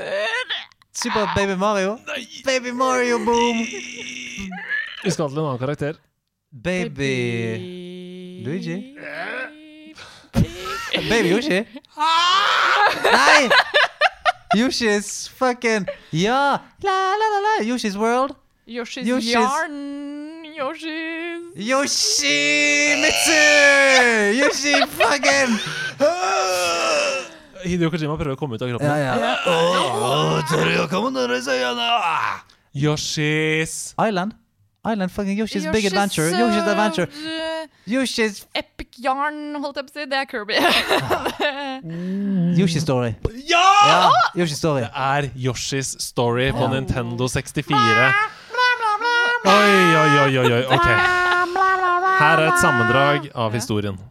Living together in harmony at Yoshi's Island, the Yoshis are able to maintain a perpetual state of joy through the fruit-bearing super happy tree. However, baby Bowser becomes envious of this happiness and casts a spell. Og så tar han med seg super happy tre og strikker. Og det som skjer da, det er at alle Yoshiene blir så deppa at det er baby-Yoshiene som er nødt til å ta opp kampen mot baby Bowser. Det stemmer jo det. Det stemmer det. Uh, jeg, Oi, jeg ble oi, oi, oi, oi. utslitt. Ja, jeg er helt, Ja, det der var eh, harde greier, ass. Det, det, det tok det siste av meg. Ja, nå er jeg helt ferdig, og det passer bra at vi da kan snakke ah, fy faen. om noe helt annet. Altså, Ocarina of Time er liksom ikke si Half-Life Mega Man 3 bare Det var jo helt sykt. Har det holdt seg?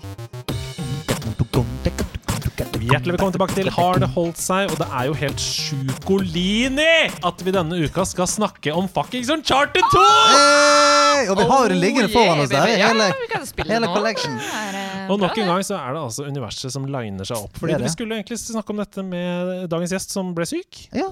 Men isteden så har vi altså eh, Uncharted-eksperten i Norge som har møtt Nolan North. Ja. Ja, Vi har ja, noen som har spilt uh, Uncharted 2 i, i en hule med Nolan North.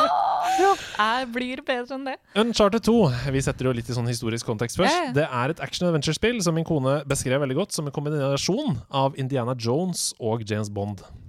Hmm. ja. av eh, hovedpersonen Nathan Drake. Men hvorfor var Uncharted 2 så viktig da, dere, da det kom? Jo, fordi det var et av de første spillene som virkelig beviste at spill har muligheten til å ta de beste kvalitetene fra film og serie, og gjøre ting med de kvalitetene som ingen andre medier kan. Med andre ord så viste Uncharted 2 verden at spill er den ultimate underholdningsformen. For alle! Det vant det som var av Game of the Year da det kom i 2009, men vi kan ikke snakke om 2009 isolert sett, for det har 96 av 100 på Metacritic. Det er sett på som et av de aller beste spillene som er lagd gjennom historien. PSM3 sa A new milestone has been reached in the video game history, og ga spillet 21 av 20. Oi. Det er ett spill tidligere Det er ett spill tidligere og siden som har fått det, og det er GTA San Andreas. Ja. PlayStation Official Magazine skrev Forget Game of the Year. This is one of the greatest games of all time. Oh, Ja, ja. shit. Den har holdt seg. Det um, du, du lå det opp så mye nå at det går ikke an å snakke om det lenger. liksom si noe annet. de har sagt at det er verdens beste spill, men jeg er faen ikke enig med de folka der. Men først må vi bare sette noen premisser, fordi jeg har spilt det denne uka her i Nathan Drake Collection. Jeg har ikke spilt Uncharted 2 på PlayStation 3, var det der Ja. det kom? Fordi det er helt umulig å få tak i. Altså, um, hva skal vi, så vi må bare ha det i bakhodet. da. Grafikken er jo oppdatert, Ja. etc. Ja. Men her kan jeg bringe inn Yes. min eh, ekspertise, fordi Uncharted 2 var et spill som jeg i en periode spilte én gang i uka i tre måneder i strekk. Wow. Så på Spilte- PlayStation 3 Så så spilte tolv ganger, med andre ord. Ja, ja. ja. Altså, hele Uncharted-serien var sånn eh, Kanskje med unntak av Uncharted 1, fordi det er, det er litt Du, janky. jeg skulle til, jeg skulle til å si det at, at er det en, ting som i hvert fall ikke har holdt seg, så Ja, er det dessverre det er en Uncharted altså. 1. Ja, det har ikke ikke holdt seg. Men, men to og tre har jeg spilt minst ti ganger. Ja? Da tror jeg kanskje du skal få lov til å, å snakke litt om hvorfor det enten har holdt seg eller ikke. Ja, for jeg har bare lyst til å si en ting først, og det er jo at det er jo dritlangt. Hvordan har du spilt det gjennom ti ganger? Eh, gang hvis, hvis du bare smeller det på easy og, Ja. og bare cruiser gjennom fordi du syns det er gøy og har lyst til å spille gjennom storyen, så, gang- så kommer du deg gjennom En gang i uken i tre måneder. ja. Ja, for det, det er ikke sånn at du har spilt, men du har rundet en gang i uken i tre Ja. måneder. bare cutscenesen er sånn sju timer. eller noe. Ja, ja, men, men, eh, men det er liksom Du, Nei, det er det ikke, men- du kommer deg ganske fort gjennom det hvis uh, det, i hvert fall Uncharted 3 er kanskje det letteste å bare sånn cruise gjennom. Det spilte jeg sånn på en kveld. Men eh, først og fremst, men ja. hvorfor gjorde du det? Jeg syns det var gøy. uh, altså, det her var jo at the height av, av når jeg var interessert i Uncharted, som jeg fortsatt er, for så vidt. Men, men det blir jo sånn når man har en, en ny found eh, kjærlighet for noe, Mm. så er det det eneste du har lyst til å spille. Da. Uh, og det ble en sånn comfort-greie. At, Ja. uh, at det var sånn OK, spille litt andre spill og sånt, men men akkurat i dag har jeg lyst til å kose meg, sånn. liksom, så da kan jeg cruise gjennom. Og særlig når jeg oppdaga det med Uncharted 3, at jeg kunne spille det på en kveld.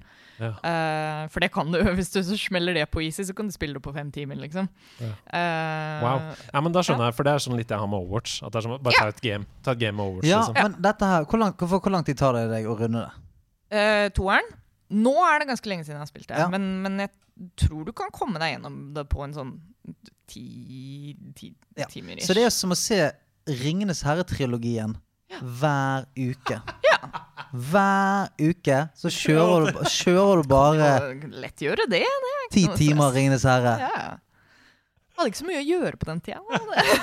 liksom, jeg jobba på Wow. GameStop. Og da var det sånn, ok, det ikke så- Men ok, fortell. Hva, for det første, Uncharted 2. Hva slags spill er det til alle de som ikke har spilt det? Og ikke minst, hvorfor eh, er det så bra? Eller hvorfor har det holdt seg eventuelt? da? Så en ting som er veldig interessant når man diskuterer Uncharted 2, er jo Nå må man jo kunne sette det litt i kontekst av at i etterkant så har du jo liksom Last of Us har kommet og tatt over litt den powerhouse-plassen som, som Uncharted 2 hadde på PlayStation 3, da, spesifikt. I typ filmatiske spill? liksom? Ja, og, og også det at Naughty Dog har jo vært utrolig flinke til å pushe hardwaren. Eh, altså, bare det å se på liksom at Uncharted 1, 2 og 3 er fra samme konsoll, eh, og The Last of Us for så vidt også. At, at hvis du setter Uncharted 1 da, og The Last of Us opp mot hverandre, så bare ser du hvor langt de har klart å strekke strikken på, på ytelsen til den hardwaren. da. Mm. Eh, Det har Naughty Dog vært kjempegode på, og uh, viser det igjen på PS4 for øvrig. Men, men Uncharted 2 var jo da, når det kom ut, så var jo det helt sånn mind-blowing i forhold til mange av de andre PS3-spillene. Mm. Um, ikke bare i form av grafikk og, og, og gameplay og sånt, men, men det var uh, Det som kanskje er det som har holdt seg best, er bruken av liksom set pieces. At du har en del sånne scener eller scenarioer som, som um, er ulikt andre adventure-spill. Altså, mm.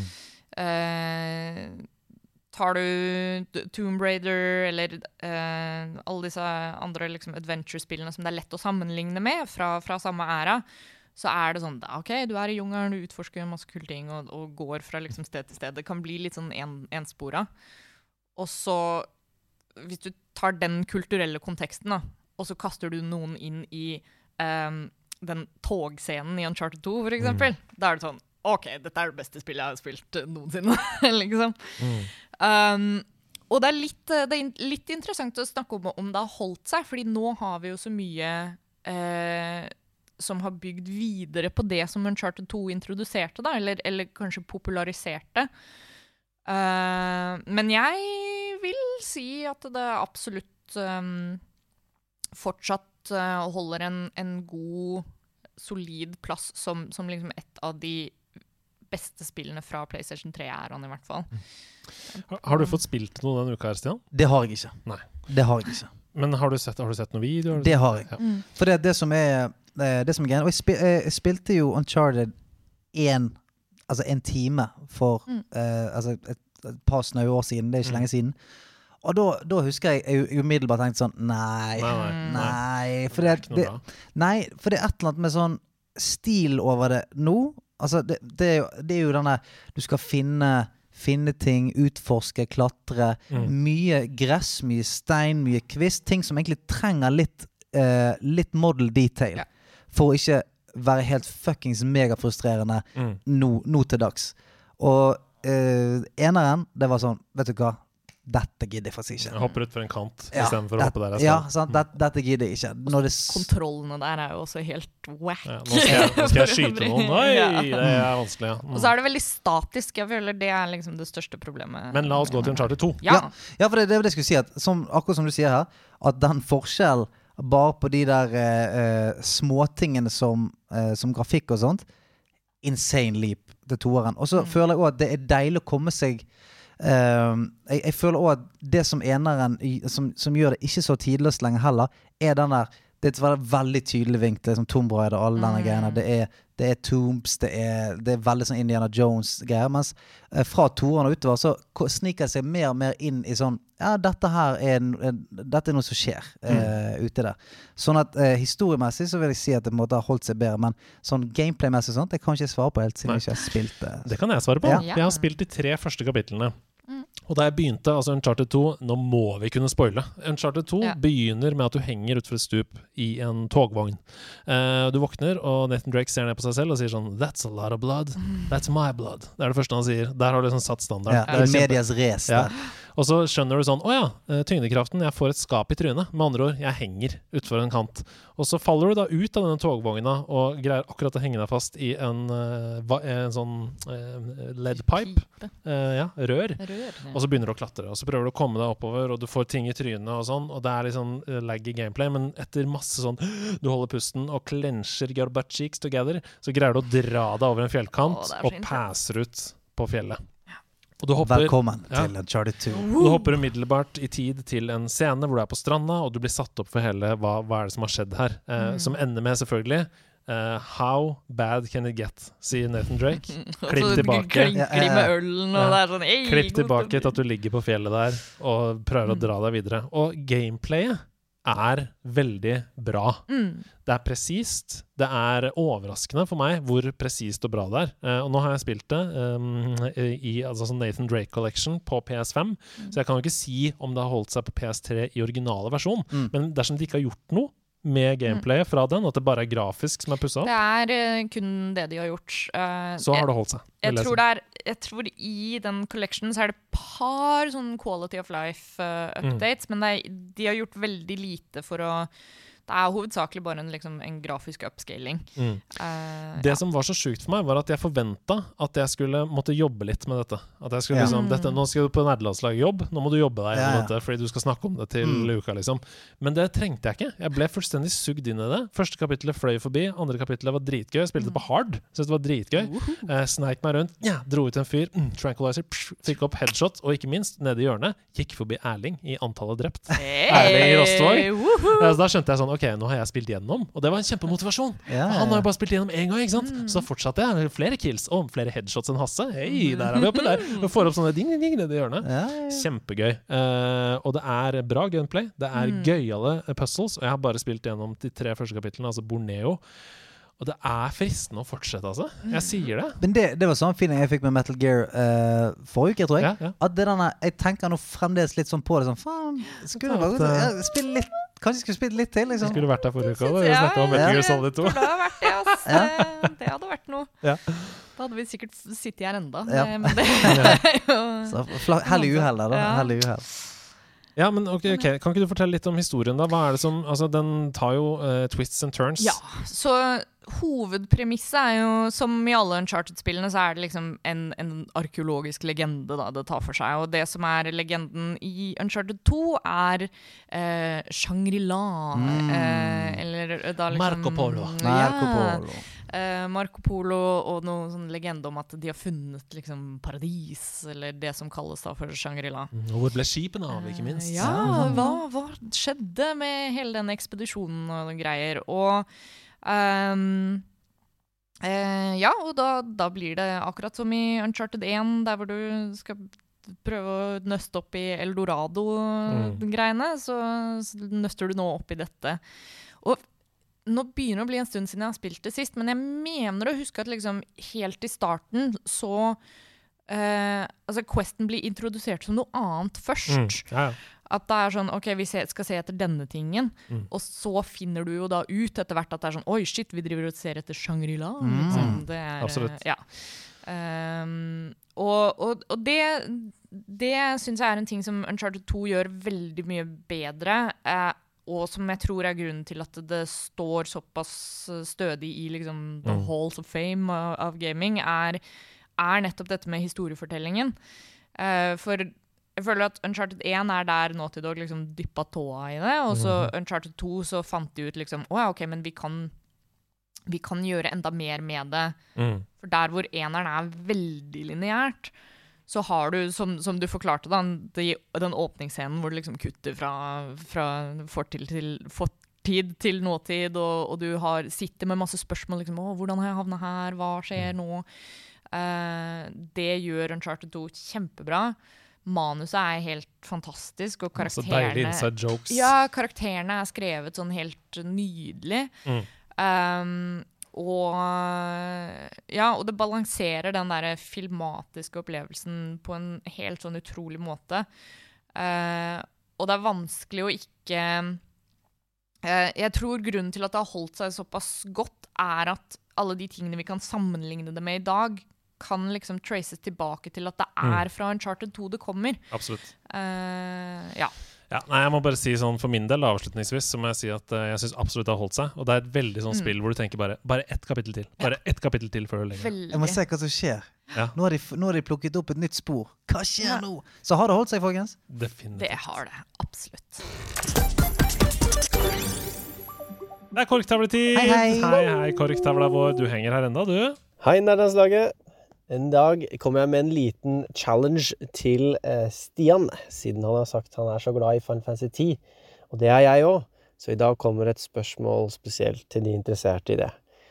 Kan du nevne navnet på fire av aeonsene i spillet, og i hvert fall navnet på fire av celestial weaponsene du får tak i i Final Fantasy 10? Wow. Det er Sjogert som har sendt inn. Hei, Sjogert. Ja, det er vel uh, Ifrit, Shiva, Anima uh, Og så uh, Bare for å ta en, en av de vanskelige. Han er uh, japanske Janma, hva det det? Det er en sånn, en sånn asiatisk uh, optional anima du kan få. Du vet at du kan si hva som helst her nå, og så Vi kommer er jeg store og spørsmål. Jeg er utrolig sånn, Ja, Ja, Bah- ok, Bahamut, da. Bahamut, da. Bahamut. Anima, i Shiva. Og så har du Muramasa. Det tror jeg er et sverd. Tror jeg er Oren sitt. Og så har du en blitzball til Waka som heter Championship Ball, tror jeg. Noe sånt. Um, uh, Tide sitt heter Eh, Jeg tror ikke jeg husker flere. Jeg husker ikke er flere. utrolig imponerende. Wow! Jeg, jeg, jeg, jeg er kjempeimponert. Jeg, hadde ikke, altså, jeg aner ikke hva du snakker om. Jeg synes det er magisk. OK. Hei, blipp, hipp og gip. Eh, Det er okay, vel oss tre, da, tenker jeg. Det er oss, det. Hei, hei. Jeg husker svært godt da jeg var rundt 11-12 år, og alle mine venner begynte med COD, 18-årsgrense. Ja. Jeg fikk ikke lov av mamma å kjøpe disse spillene, men av naturlige årsaker fikk jeg lov å spille hos kompiser for å ikke bli utestengt sosialt. Jeg var aldri særlig opptatt av disse spillene, men jeg husker det var trist at jeg fikk kommentarer slengt etter meg fordi jeg spilte Sonic eller Lego Star Wars istedenfor COD. Jeg har full forståelse for mine foreldres avgjørelse om å ikke la meg spille disse spillene hjemme. Likevel var det svært trist å føle seg utenfor. Hva syns dere om aldersgrenser i spill? Vekket min historie noen tanker om dette? Kjøttet går, og bønnene brøyter. Hilsen Darth Hannevik. Ja, altså, jeg syns jo Jeg syns jo at på, Jeg syns jo at uh, aldersgrenser har noe for seg. Jeg må jo si det. Uh, fordi at når du er 12-13, så er det sånn eh, du, hadde ikke, Det er ikke så fett om på en måte en tolvåring spiller gjennom flyplassscenen i Modern Warfare 2, liksom. Eh, blaster eh, mitraljøser rundt omkring på en flyplass på, på liksom sivile mål og sånt. Det, det trenger ikke En, en tolvåring trenger ikke det. Eller å lære hvordan man på en måte gjør krigføring. Eh, det- altså Det, det syns jeg på en måte ikke. Mm. Så er det sånn at det at du tar det vanskelige valget som foreldre sier sånn Du, vi, vi skal ikke vi skal ikke rundt og, og skyte folk og knivstikke terrorister eh, ennå. Mm. Det, kan vi- det kan vi vente litt med.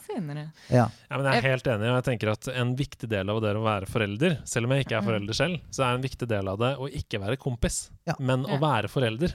Og nettopp sette grenser og sette restriksjoner for hva du mener er viktig. Og jeg tenker sånn det, det å ikke få spille 18-årsspill før du er eh, eldre, Ja. det kommer ikke til å skade deg for livet. Men det å spille det, det kan ende opp med å gjøre det. Ja. Mm. Altså, he, alt ved å være forelder er jo dessverre å være kjip. Du, kan, jeg, kan jeg stikke og henge på kjøpesenter klokken 11 i kveld? Nei.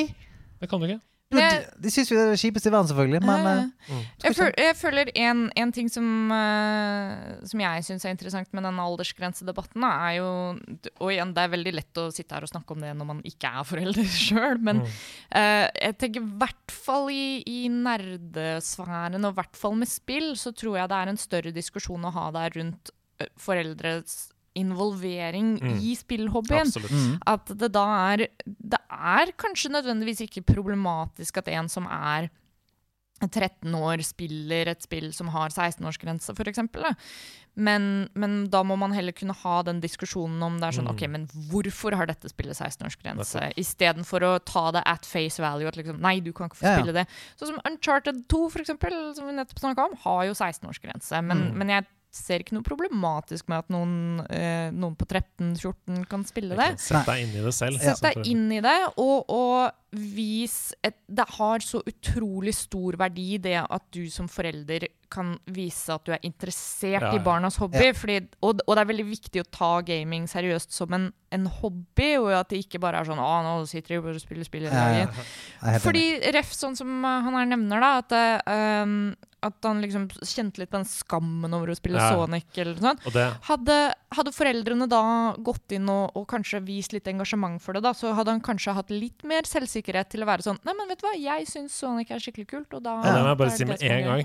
Hvis de som sitter der ute nå føler på at de har blitt mobba fordi de spiller Sonic eller Lego Star Wars, Ja. fuck de andre. Ja, ja, fuck de andre. altså, Det er du, du du som må jo spille det du syns er gøy. Nettopp! Og det er du som har hatt en deilig spillopplevelse Yep. med Sonic og Lego Star Wars. Ja. De kan bare gå og spille sine spill. Ja.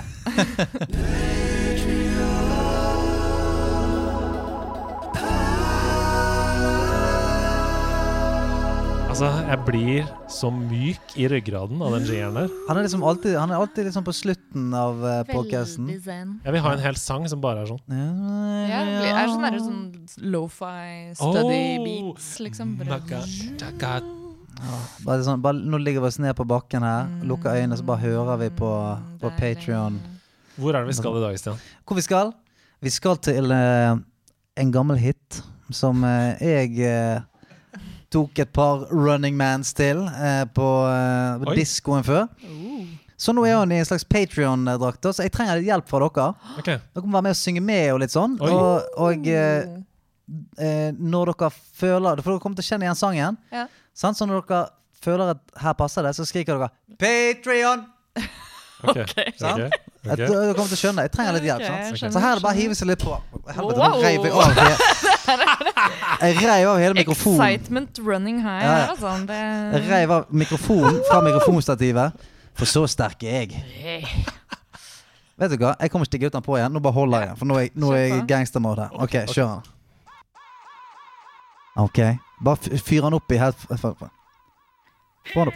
Na, na, na, na, na, na, na, na, na, na, na, na, na, na, na, na, na, na. Come on! Everybody now! Huh! Na, na, na, na, na, na, na, na, na, na, na, na, na, na, na, na, na, na, na. Det var det jeg skulle være med på. Ok, greit. Ja, det var med. Ok. Att og gulla er alltid Patrion. Min showmebag fra Buckyen. Patrion. Bjørn Thorsson, han er også en Patreon! Til og med Dåse Hunter. Patreon! Uh. Eilif Halmen er med. Fredrik Nødtveit, baby. Fyrosaurus først Biola legger det ned. Gunnar Bekka gutta. Her Voktus har aldri slutta. Herma Høgenes Kvinsland, det er deilig å se at kompis Henrik Apelandet Inger Rock the fucking champion. Patrion. Sneaker Mr. Officer. Patrion. Jakob Anger er med. Patrion. Come on! Joakim Diggelo, Svensrød og Jon David Johnsen, de blør. For drakten så laget ikke Lida noe nød. Come on! Jon Ingse på ball, tjommi. Karoline Mys, sugar mommy. Lars Gravnings i myr er verdens rauseste fyr. For bad blood, Magnus Skjønn er en patriot. Marius Heim in the game, han er patriot. Martin Lone Nuland, patriot. Ola Totenberg Klinge. Ja, na, na, na, na, na, na, na, na, na, na, na, na, na, na,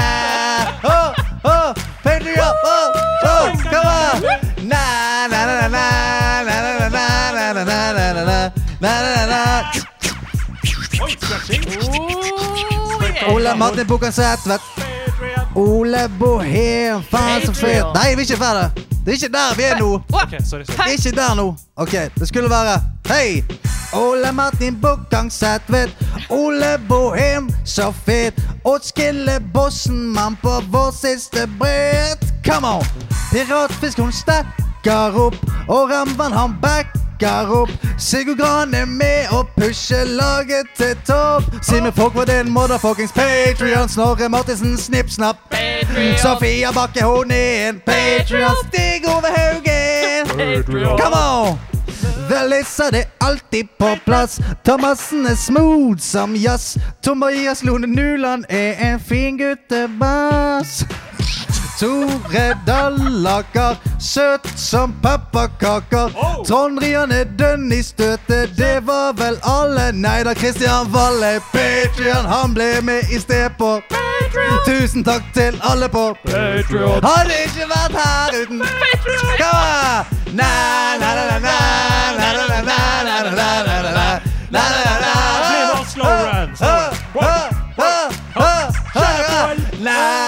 na, backer på Patreon Patreon, oh, alle på Patreon Her på Jobben på Patreon Jeg vet ikke hva jeg sier lenger Patreon, det lever lenge Patreon uh. Oh my lord. Det her går inn i historiebøkene. Oi, oi, oi. Tusen hjertelig takk, Stian, for en Patrion. Oh, Lykke til med å ikke skrike det mange ganger de neste dagene kommer seriøst å ha Patreon. på Patrion. Tusen takk Tusen takk Ida Doris Joint For at du hjalp oss ut av knipen i dag Takk for at jeg fikk være med. Det var jo herlig. Vet du hva, det var så så gøy Sweet. Så tusen hjertelig takk Nå har du lyst til å plugge før vi går Uh, jeg er på Twitter nå igjen. Oh. det kan jeg plugge. For Det det, var jeg ikke sist. Jeg, jeg hadde Twitter for lenge siden, og så orka jeg ikke mer. Men nå så var det sånn Nei, jeg kan jo prøve igjen, da. Så dere finner meg på Neondoris uh, på Twitter. Der er, det går stort sett i liksom bare tørre vitser og eh, jeg tweeter ganske mye om Sephiroth, uh, Oh. hvis, hvis man er interessert i det. Ja. Uh, men ja. Har du begynt å si sånn Er du med i kveld? Sephiroth Ja! Oh, det, jeg, har- jeg har ikke begynt med det, men jeg skal begynne med det nå. Tusen takk for at dere hører på folkens Vi snakkes om en uke Snikk, snakk Snorre Martinsen.